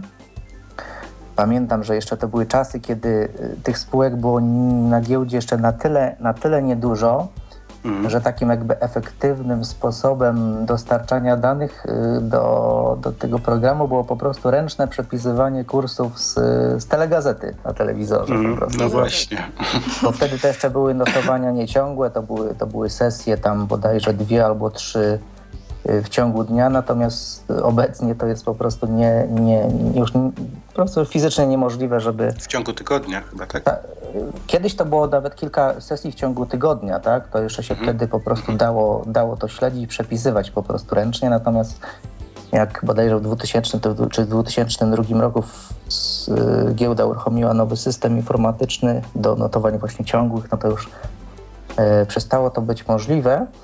Natomiast y, ja y, korzystam i trochę z mBanku, natomiast takim bardziej sentymentalnie i właściwie nie tylko może i sentymentalnie, ale takim moim głównym narzędziem inwestycyjnym jest, znaczy narzędziem, no narzędziem, no, jest mój rachunek maklerski w y, domu maklerskim BZWBK obecnie. Oni y, z perspektywy oczywiście osoby słabowidzącej to jest, to jest tak no, mm, okej dostępne, można powiedzieć. Mogę sobie tam tą czcionkę i kolorystykę dostosować. Podobnie jest y, z narzędziem, które oni oferują. Mm, Mianowicie taka jest to taka aplikacja instalowana na komputerze, która pozwala nam te y, notowania online śledzić i nawet dosyć szybko, jeżeli powiedzmy kurs się zmienia w ciągu tam, no mówię, to jest czasami kilka sekund, tak, co kilka sekund są faktycznie odświeżenia, czasami jeżeli jest duży obrót na, na danej spółce, to jesteśmy w stanie jednym kliknięciem, oczywiście mówię o kliknięciu myszą, tak,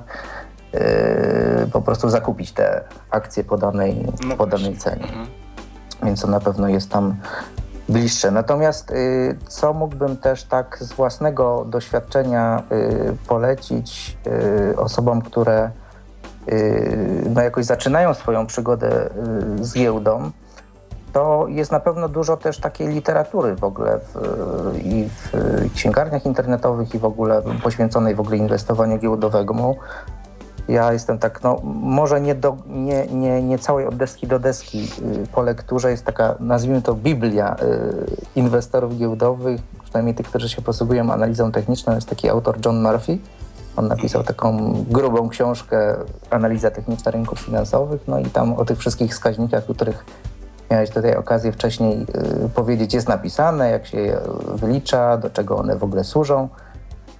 I też chyba zachęcam, y, jeżeli ktoś ma dostęp na przykład do telewizji takich biznesowych, czyli na przykład TVN, CNBC Business czy telewizja biznes, też polecam śledzenie tego, bo tam te informacje, przynajmniej te główne, które jakby w największym stopniu wpływają na to, co, co się dzieje na rynku, czy chociażby na przykład to, co obecnie na Cyprze się dzieje, że państwo postanowiło w cudzysłowie zabrać zabrać ludziom, którzy tam mają sobie spore ilości pieniążków na koncie pewnym, pewien, pewną pewien część. procent, tak, pewną część, oczywiście w zamian za to, że Unia Europejska yy, daje jakąś tam pomoc Cyprowi, to już takie szczegóły na marginesie.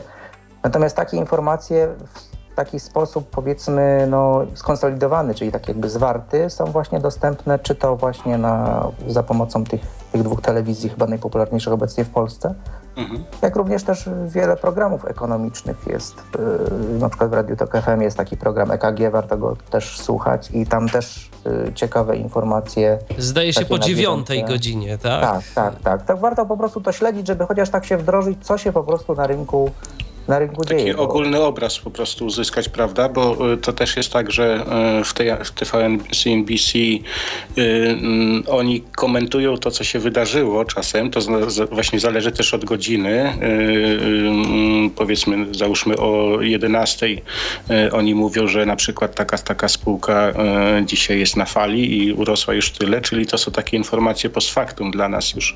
Ale z tego, co no, też czasem oczywiście słucham CNBC, to y, mm, najbardziej istotne dla mnie informacje podają o ósmej, tam kiedy analizują na przykład raporty kwartalne y, spółek. I to, to jest przed sesją jeszcze i na podstawie tych informacji, jeśli ktoś y, samemu nie, nie potrafi analizować y, takich y, raportów, y, no to już ma po prostu jakąś wiedzę, co może się stać z daną spółką danego dnia, prawda?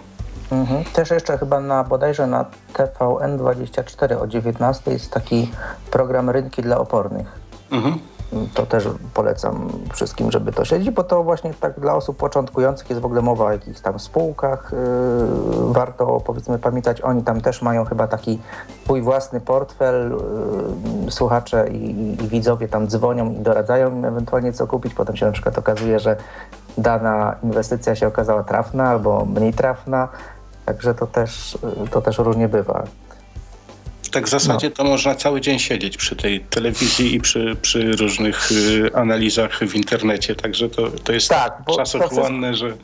To wszystko tak naprawdę zależy od tego, ile po prostu mamy czasu. No jeżeli mamy tego czasu mniej, no to musimy się jednak zadowolić przynajmniej tymi ogólnymi y, informacjami i jakby bardziej y, podejść do tego jako y, taka inwestycja, no bardziej długoterminowa i po prostu sobie dozorować raz na jakiś, powiedzmy, jeżeli ktoś bardzo długoterminowo gra, no to powiedzmy te raz w tygodniu, raz parę razy w miesiącu, chociaż zobaczyć sobie, co się w ogóle ogólnie dzieje, tak, no bo y, mhm.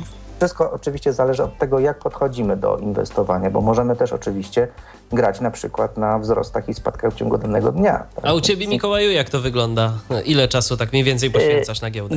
Ja powiem tak, ja y, kiedyś miałem na to, na to więcej trochę czasu i teraz przeszedłem powiedzmy w takie stadium takiego bardziej inwestowania, no raczej długoterminowego, bo jednak inne zajęcia też mi pochłaniają czas Natomiast y, no, staram się to y, powiedzmy tak trzymać w takich, w takich powiedzmy y, ryzach, kiedy powiedzmy zauważam, że coś takiego no, w danej spółce się dzieje powiedzmy na, na, z kursem danej spółki bardziej nazwijmy to no, niebezpiecznego, albo w drugą stronę pojawia się jakaś y, szansa, no to, to wtedy staram się w takich bardziej kluczowych y, momentach reagować. Natomiast na pewno na pewno nie mam obecnie czasu, żeby na przykład grać na, na zwyżkach i, i, i, i, i spadkach dziennych, tak? bo na tym też czasami można z, naprawdę pokaźne, pokaźne pieniądze y, zarobić. Oczywiście, jeżeli ktoś jest jakimś już mega ryzykantem, jak to się mówi,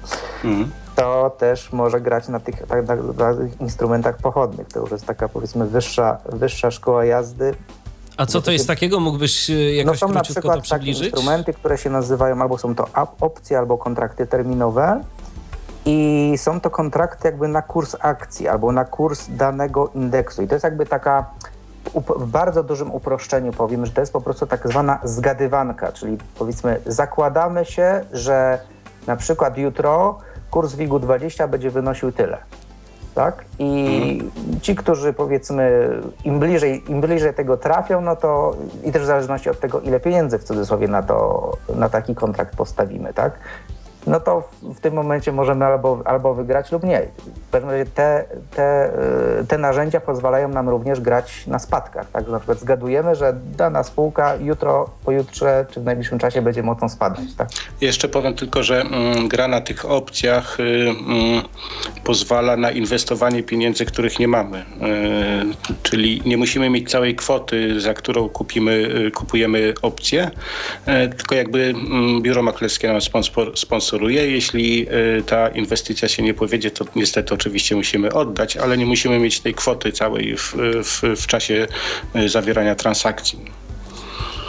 Czyli jakby to jest takiego, y, taki swojego rodzaju kredyt, tak? Y, który tak, dostajemy tak. od znaczy, to, tak, to y, znaczy na akcjach też są takie mm, rzeczy możliwe, tak zwane lewarowanie. E, oczywiście mm, mamy więcej pieniędzy, jesteśmy bogaci, tym bank jest bardziej przychylny, by nam takich kredytów udzielać. E, przy, są również takie kredyty, mm, emisja to się w banku nazywa, gdzie możemy właśnie zaciągnąć kredyt na zakup akcji, które spółki która wchodzi właśnie na giełdę, czyli możemy się zapożyczyć, prawda? W ciągu, no tam co nawet ostatnio taka spółka w, będzie wchodzić y, bodajże Mabion, to gdzie oprocentowanie takiego kredytu to jest zdaje się jedna dziesiąta procenta, tylko musimy go oczywiście oddać w ciągu określonego czasu, bardzo krótkiego dość. Okej. Okay. Mikołaju, czy coś jeszcze chciałbyś dodać a propos, a propos gry? Na giełdzie? Y, a propos gry, y, marzy mi się sytuacja, powiem tak, marzy mi się sytuacja, kiedy y, powiedzmy, na razie nie spotkałem, ale kiedy pojawią się jakieś narzędzia, no właśnie, czy to do analizy technicznej, czy do, do jakiejkolwiek w ogóle analizy rynków, które będą po prostu uwzględniały nasze, nasze potrzeby. Oj, tak, tak. Osób to musimy nad tym tak? popracować i bo na chwilę obecną to pozostaje nam tylko Excel, tak? Z Twojego doświadczenia również y, coś takiego wynika? Yy, tak, tak. Z mojego, z mojego doświadczenia, no ja jeszcze mówię, przez to, że się mm, jak, w jakiś sposób tam jeszcze wzrokiem yy, z, z, mojego wzroku słabego korzystam, to yy, pewna część tych aplikacji do analizy technicznej, przynajmniej nawet tych online czy, czy offline, w miarę jest, y, w miarę jest dla mnie dostępnych, aczkolwiek też zdarzają się takie sytuacje, że na przykład no, wyszła nowa wersja, ta, która się okazuje nie ma zupełnie możliwości ani zmiany czcionki, ani na przykład zmiany powiedzmy, nie wiem, kontrastu. I i no i niestety tego się nie da obejść i wtedy, i wtedy, jest, i wtedy po prostu jest problem i z takiego narzędzia już po prostu no nie za bardzo można korzystać, tak?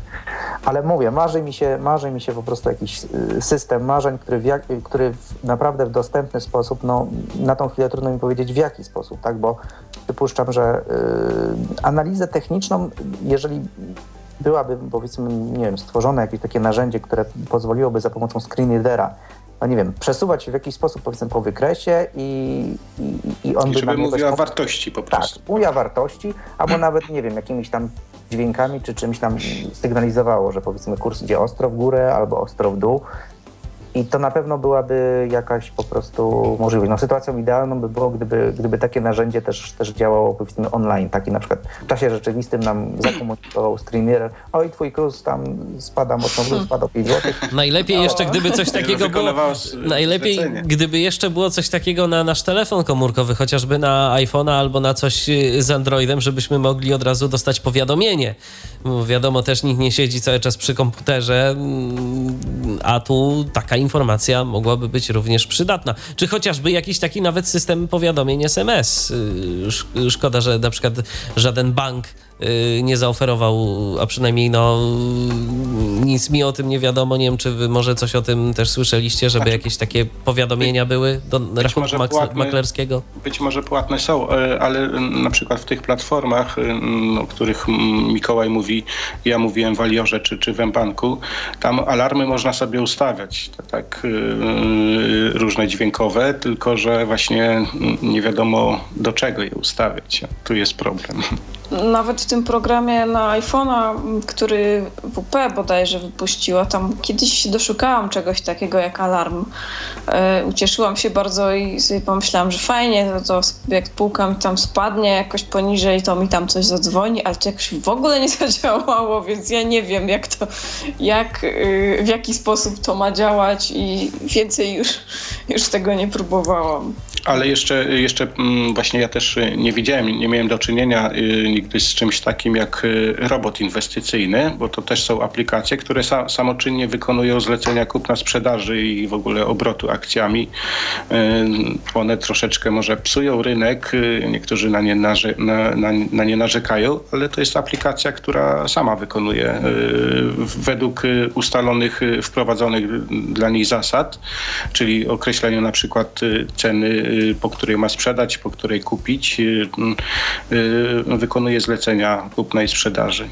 Trzeba po prostu odpowiednio tę aplikację zaprogramować i ona tak, później według tak. reguł... I jest nawet taka spółka na New Connectie, nie pamiętam nazwy, która produkuje takie aplikacje i z tego, co jakiś czas temu czytałem, to niestety aplikację, którą wypuścili, to przyniosła więcej strat niż... Dla niż, nich też.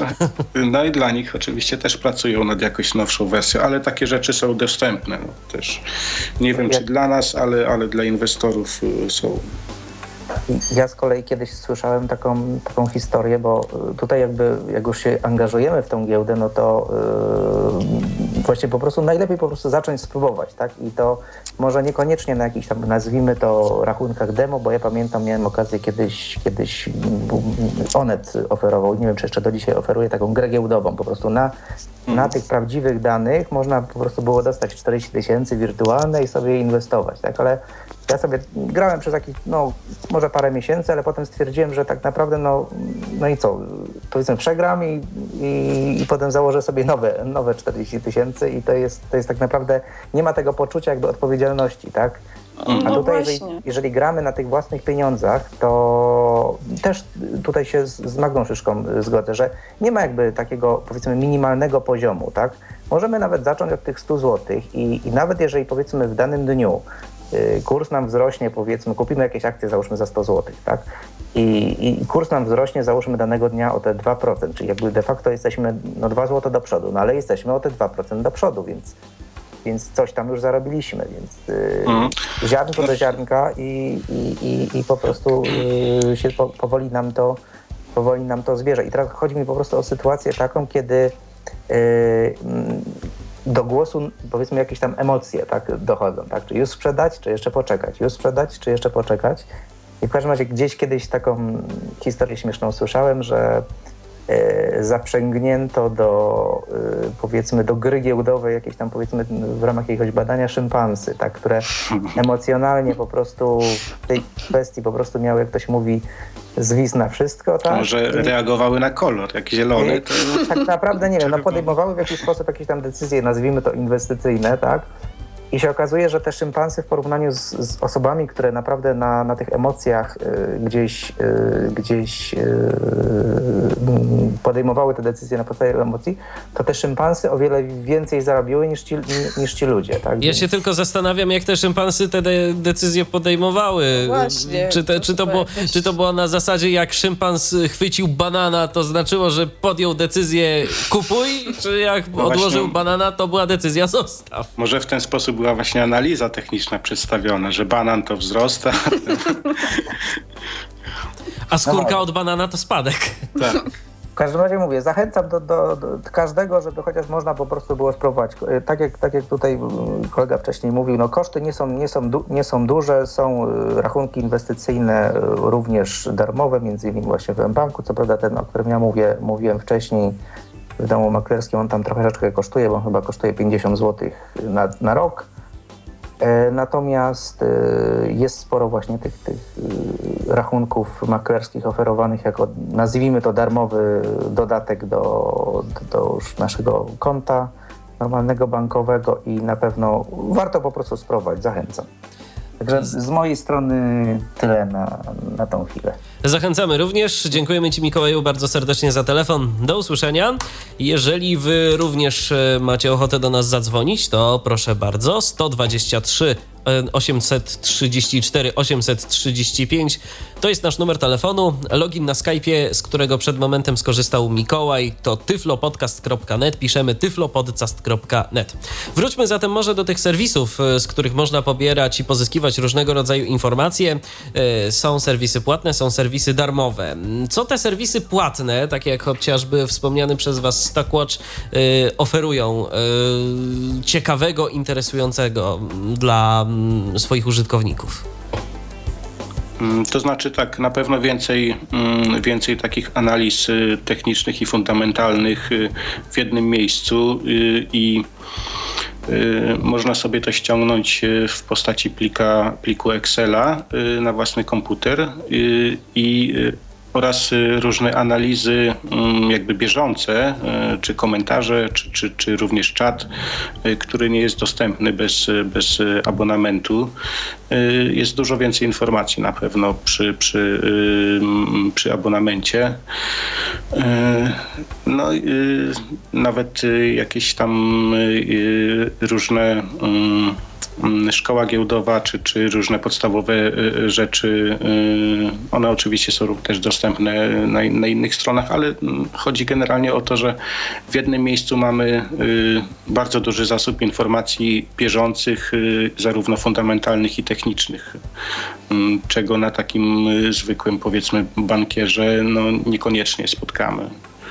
To jest w ogóle tak na przykład na Stockwatchu, że mamy jakiś tam artykuł zatytułowany analiza techniczna jakiejś tam spółki, jeszcze w ogóle w jakiś taki sposób zatytułowany, że tam e, zbiera się, nie wiem, do jakich, no, w jakiś taki ciekawy sposób, oni to zachęcający dosyć nazywają te, te artykuły, prawda, że na przykład możemy wnioskować, że tutaj coś się ciekawego będzie działo.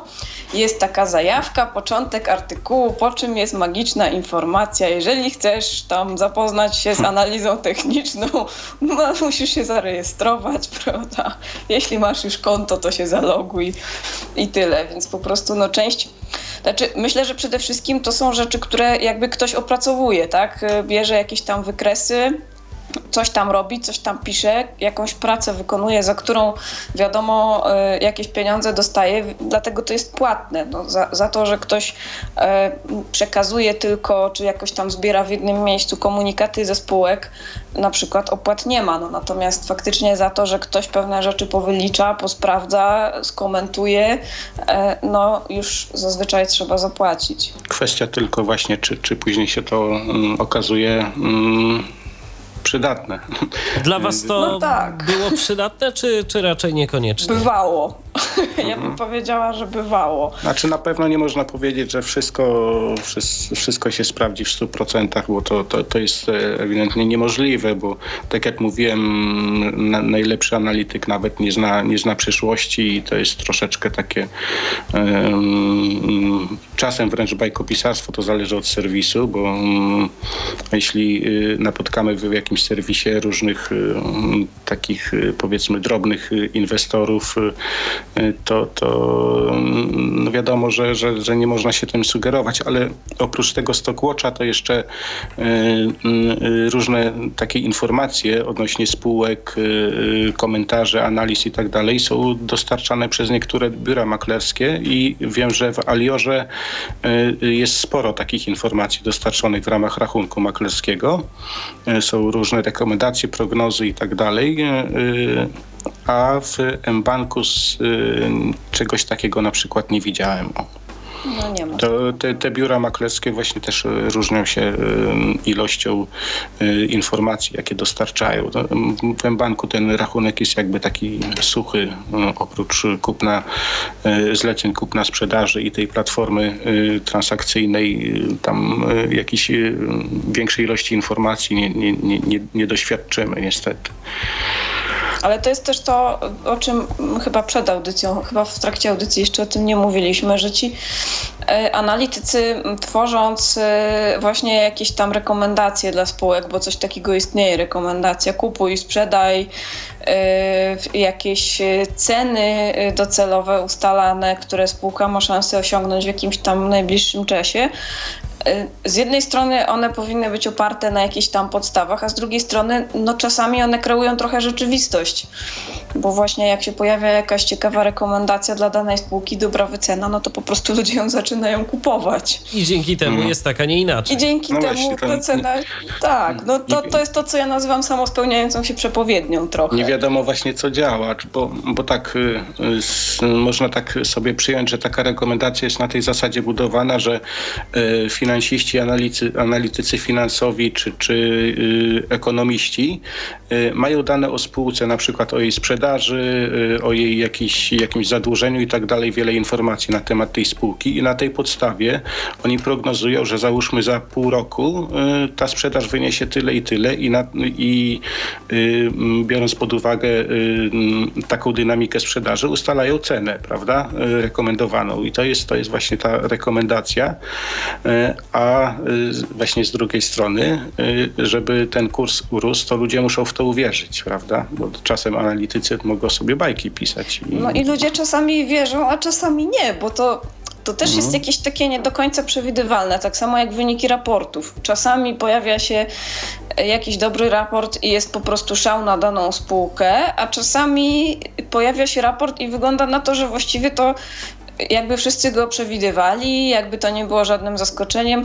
Też nierzadko my mamy wrażenie, że no, że wielu tych, tych ważniejszych inwestorów to już dawno wie pewne rzeczy, prawda, o których my się dowiadujemy, e, tacy zupełnie drobni inwestorzy gdzieś tam na końcu, kiedy ta cena akcji już, już pewne informacje mhm. uwzględnia i już po prostu w momencie, kiedy my się dowiadujemy o tym, e, e, czasami no już wiele więcej gdzieś to tam do góry na przykład nie pójdzie, tak, bo, bo, już, bo już poszło.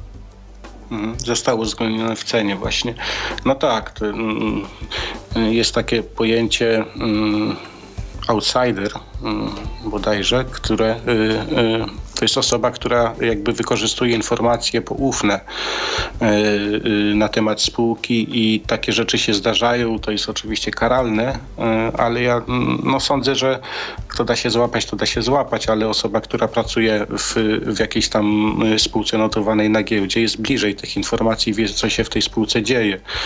No i jest od nas lepiej poinformowana. My się dowiadujemy dopiero właśnie w momencie wydania raportu czy, czy, czy jakiejś informacji z internetu, co jest już mm, opóźnione dużo. Jeszcze a propos e, takich raportów, to mam informację od Mikołaja. E, dom maklerski e, BZWBK oferuje takie mm, okresowe mm, biuletyny z rekomendacjami i analizami spółek dla klientów domu. Czyli okazuje się, że również tam można dostać tak, taką tak, tak. informację. Tak.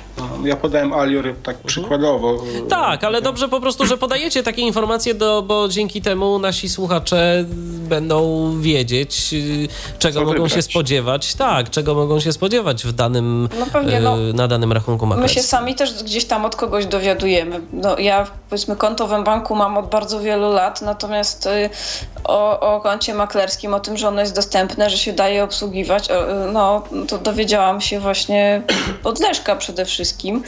W ogóle na przykład nie brałam się za testowanie mm, tego typu usługi w ING, w którym również mam konto, bo ING jest straszne pod względem dostępności. A kiedyś to taki dobry serwis bankowy. Było fantastycznie, natomiast y, w tej chwili jest strasznie, tak jak się swojego czasu pogorszyło.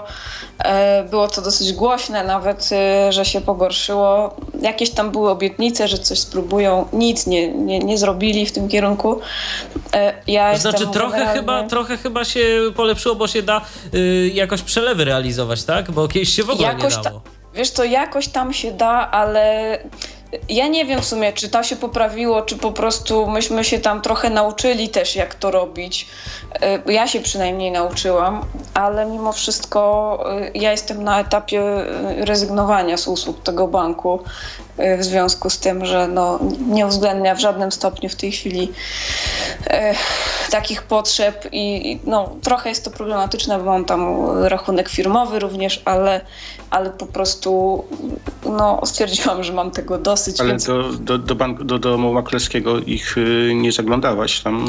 Nie, nawet, nawet nie zaglądałam, bo jak taki, cały to... serwis jest taki, to niczego lepszego się po ING y, nie spodziewam. Ja, ja miałam sobie kiedyś założyć jeszcze, już parę lat temu, jak gdzieś tam zaczynałam z kontem WNG, to miałam sobie, sobie założyć ten rachunek maklerski, ale w końcu jakoś się do tego nie zebrałam i także no tego nie wiem, ale mówię, raczej bym się niczego dobrego nie spodziewała tutaj. Więc y, no, kilka opcji jest. Myślę, że jeszcze kilka o, takich, o których y, nie mówiliśmy. Są w ogóle jakieś takie, no, mówi się o tych tak zwanych domach, domach maklerskich, są jakieś takie na pewno instytucje w ogóle niezwiązane z bankami, tak? Tak, jest dużo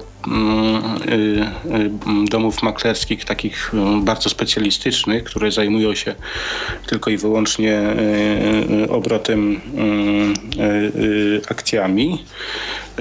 No, choćby taki IDM z Krakowa, to jest internetowy dom maklerski. IDM, który nawiasem mówiąc sam miał swojego czasu sporo kłopoty z mhm. kursami swoich akcji. Ale jest też dużo właśnie takich instytucji, które Y, się specjalizują y, właśnie w inwestycjach y, i mm, Niektóre z nich są przeznaczone dla szczególnych klientów, na przykład jakaś, słyszałem, jakaś tam, jakiś oddział szwajcarskiego banku nie wpuszcza klientów poniżej miliona złotych.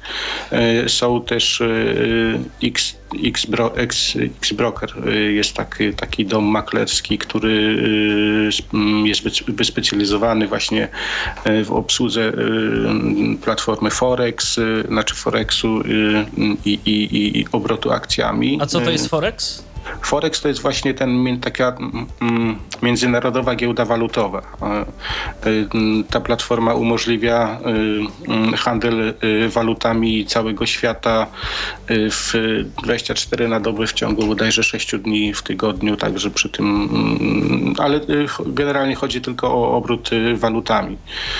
Ostatnio bardzo mocno reklamowany i jakby napompowany mm, marketing, jeśli chodzi o ten Forex. Tylko, że mm, z tego co wiem, to, to y, mm, te domy maklerskie, takie właśnie specjalistyczne, one będą y, najczęściej płatne już. Także, no tak, także... bo jeżeli tylko i wyłącznie z tego żyją, a y, czy wiecie coś na temat y, tego, co oferują takie domy maklerskie, y, jakby jako usługę dodaną do mm, takich, takich standardowych rachunków y, maklerskich oferowanych przez banki? No bo coś hmm. chyba muszą oferować, tak? To znaczy, no, wydaje mi się, że mus, no tak, muszą coś oferować, bo, bo skoro jakieś tam pieniądze pobierają, y, to yy, tylko, że no właśnie ja, ja nie wiem, co oferują, bo nigdy nie miałem, y, nie miałem rachunku w takim, w takim domu inwestycyjnym, yy, ale prawdopodobnie będą to jakieś opracowania, yy, analizy, czy tak jak Mikołaj mówił w BZWBK, takie raporty jakby okresowe, które prognozują y, zachowanie się akcji. Y, na pewno na jakimś dużo wyższym poziomie analitycznym niż, niż ogólnie dostępne w internecie. Ale dokładnie nie wiem. Wiem tylko, że ten X-Broker ma mm, też swoją platformę transakcyjną, czyli ta, taką aplikację, dzięki której można właśnie obracać walutami no, tak jak mówię, na całym świecie. Jeszcze a propos aplikacji, to mm, i wracając jeszcze na moment do telefonu z nadgryzionym jabłkiem. Yy, domyślnie nawet yy, w iPhone'ie mm, mamy aplikację o nazwie Giełda, ale ta aplikacja w naszym przypadku polskim raczej nam się nie przyda, prawda? Nie, ona dotyczy rynku amerykańskiego tam, ale y, chociaż jak ktoś chce kupić akcję Apple'a, to, to, to jak najbardziej. To właśnie tak, zdaje się właśnie, że... No, no właśnie, My... właśnie chyba z Applem ostatnio, ostatnio cienko, jeżeli chodzi coś, o akcje. Coś, coś niedobrze, tak. tak. tak. Także no tak, z tym 4... może lepiej się wstrzymać. 440 zł czy dolarów za, za jedną akcję to jest no, trochę. 1200 zł, tak ponad. Mhm ale widziałem, patrzyłem właśnie mm, tą, tą aplikację w iPhone'ie i tam widziałem kapitalizację Apple'a. E, to było ile? 440 mm, miliardów dolarów. Sporo. No. Natomiast no, fajnie by było, gdyby taka aplikacja na wzór tej giełdy była dostępna y, y, w Polsce. Ale to właśnie, Michał, taka aplikacja... Jest, tak? Tak, jest. Właśnie tak Działa GPW, podobnie. Mhm. Tak, mniej więcej ta sama zasada, one się szczegółami różnią, e, ale to jest ta sama zasada. Są podawane Aha, no dostęp dobrze. do kursów akcji, do kursów, do, do, do stanu właśnie głównych indeksów. No i tak jak Magda mówiła, w niektórych aplikacjach jest na przykład dostęp do aktualnych ofert transakcji, w niektórych nie, ale to, to mniej więcej na tej samej zasadzie one działają. No, a jest to naprawdę bardzo przydatne. Ja w każdym razie bardzo doceniam e, te aplikacje, bo jedno, że czasami jest po prostu wygodniej jakoś na iPhone'ie. Można tu na iPhone'ie sobie sprawdzać notowania, tu już sobie robić e, zlecenie i tak dalej, ale ja to też doceniam no, w takich sytuacjach, kiedy jestem gdzieś właśnie z daleka od komputera, gdzieś tam mam rozprawę w ogóle jakąś wyjazdową. No niestety giełda wciąga, jest to coś takiego, że ciężko jest tak cały dzień wytrzymać, yy, mając jakieś tam akcje, nawet czasami jakieś zlecenia zrobione i nie mogąc sprawdzić tych notowań, więc to w tym momencie iPhone sprawdza się idealnie mm, do takiego zastosowania, żeby gdzieś tam sobie sprawdzić, yy, wiedzieć, no trzymać w jakiś sposób rękę na pulsie. Żeby było wiadomo, co się z naszymi pieniędzmi dzieje, a może już trochę ich przybyło na przykład. No to zawsze cieszy, jak akurat. Oczywiście. Oj, to bardzo cieszy. Mm, skoro już o giełdzie mowa, to może tak podsumowując y, naszą dzisiejszą audycję, warto by było jeszcze powiedzieć, no, Czym się powinna charakteryzować może troszeczkę osoba, która, która y, chce zabrać się za grę na giełdzie? Czy, czy to jest dla każdego, czy jednak y, jakieś predyspozycje powinniśmy mieć w tym względzie? stoicki spokój, to, to by się przydał na pewno. E, to znaczy tak, y, no właśnie y, y, mówiliśmy o tym, że dużą, bardzo dużą rangę odgrywają emocje i niedobrze jest, gdy taka osoba kieruje się, jest nadpobudliwa i, i zaczyna jakby szarpać się, sprzedawać, kupować, bo akurat coś tam zobaczyła, że rośnie i tak takie nie, nie za bardzo skoordynowane ruchy wykonywać na akcjach. Y, tutaj trzeba właśnie pewnego opanowania na pewno y, i jakiegoś, jakiejś tam mm, choćby minimalnych predyspozycji do ryzyka, bo niestety y, giełda, tak jak mówiłem, jest ryzykownym rynkiem i trzeba się zdecydować nauczyć, e, nauczyć ponosić straty również. To, to, to się bardzo przydaje na giełdzie. Jeśli nas e, takie straty e, nawet, nie wiem, powiedzmy 200-300 zł mm, będą wpędzały w jakąś, nie wiem, mm, depresję czy, czy, czy nie wiem, nerwicę, to, to lepiej się nie brać za giełdę. Bo to jest trochę tak, że z jednej strony troszeczkę jakiejś żyłki hazardzisty trzeba mieć, żeby właśnie jakoś e, umieć podejmować w ogóle ryzyko, ale z drugiej strony e, to nie jest na pewno e, sposób inwestowania dla hazardzistów, ponieważ taki hazardzista pewnie prędzej czy później zainwestowałby wszystko, co ma i jeszcze pożyczył. A to nie o to chodzi. No jednak zawsze dobrze do tego podchodzić jakoś tak rozsądnie i racjonalnie nie inwestować ostatnich swoich pieniędzy przeznaczonych na chleb. E, jakoś się powinno jednak e, te fundusze rozdzielać, to co jest przeznaczone na życie, to co jest przeznaczone na giełdę.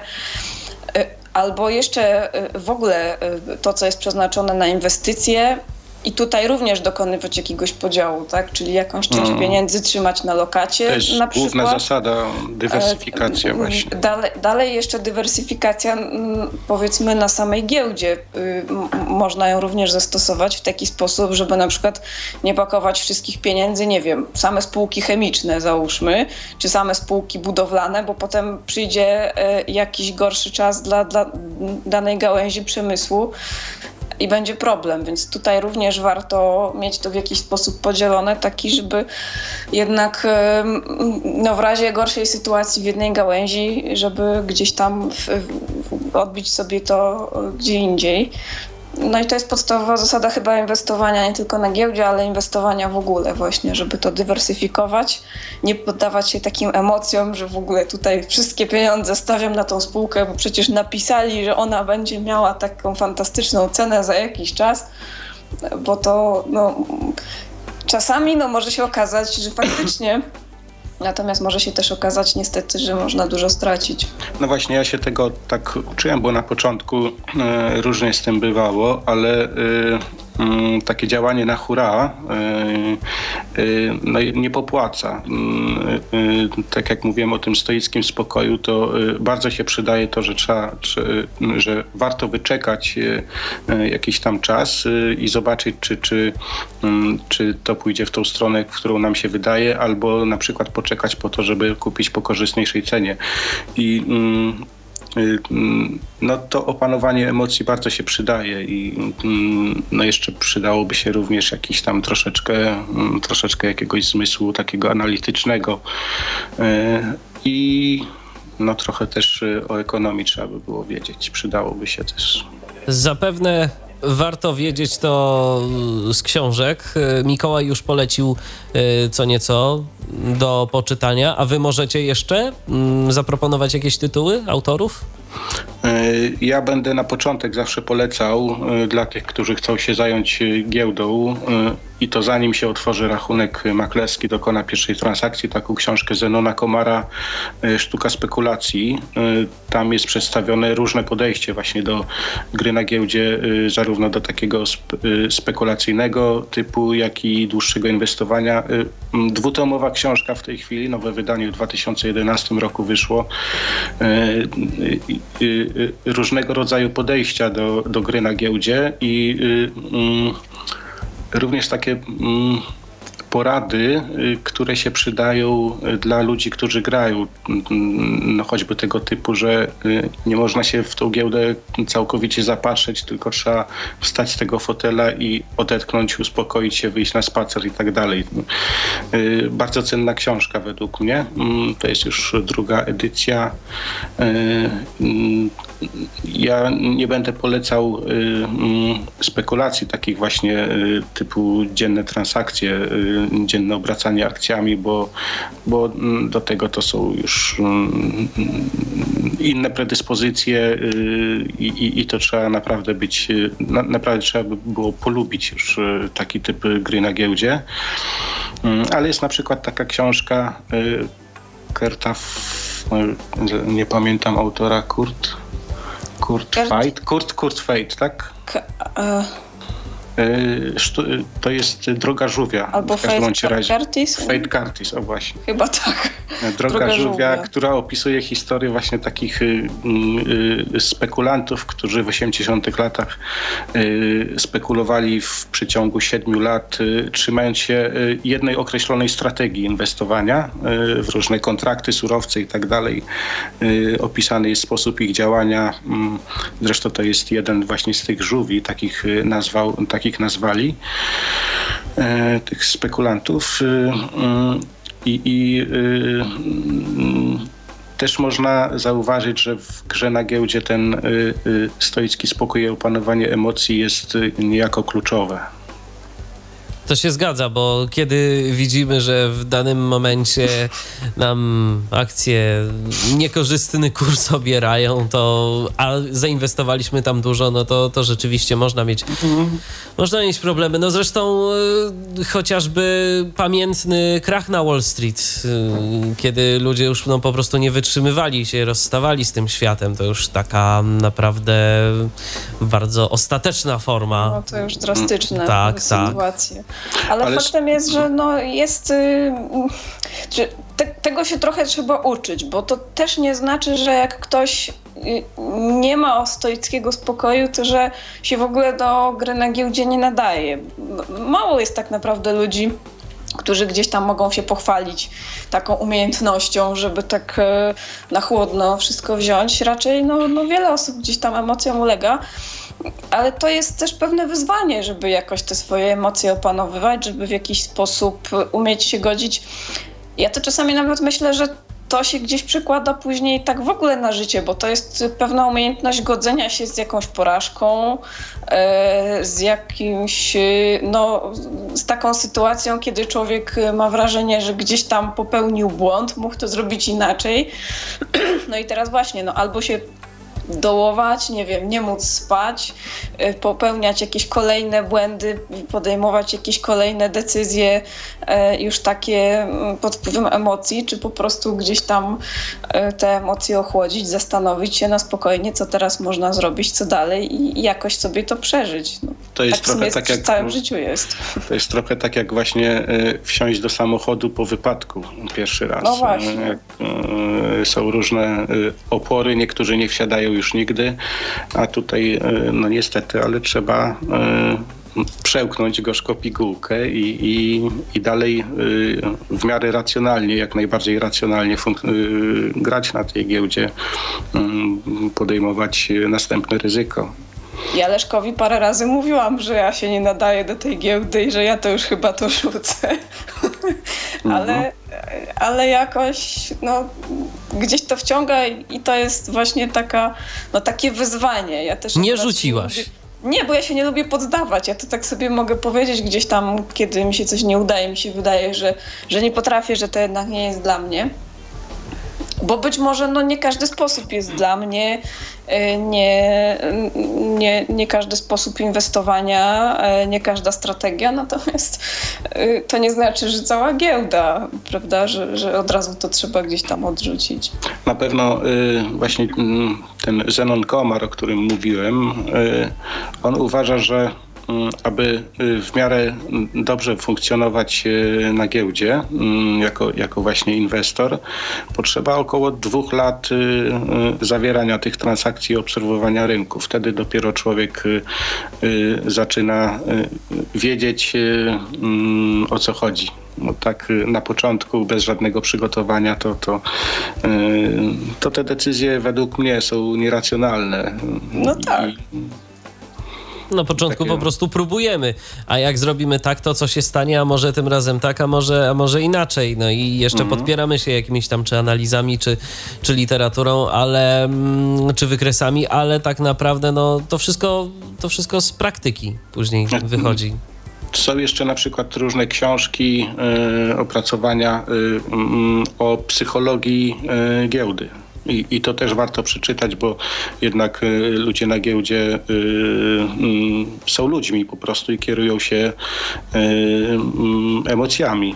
To, to, to nie jest tak, że tylko te mm, zdarzenia jakieś y, y, z zewnątrz wywołują kurs, zmiany kursów akcji, ale to ludzie podejmują decyzje pod wpływem właśnie emocji, że te zdarzenia wywołują emocje w ludziach i dopiero jest decyzja podejmowana. Warto przeczytać również takie książki, żeby to nawet ja mam taką swoją teorię, że na analizie, analizę techniczną można wytłumaczyć psychologicznie i, i, i to też y, myślę, że, że wielu autorów o tym pisało już y,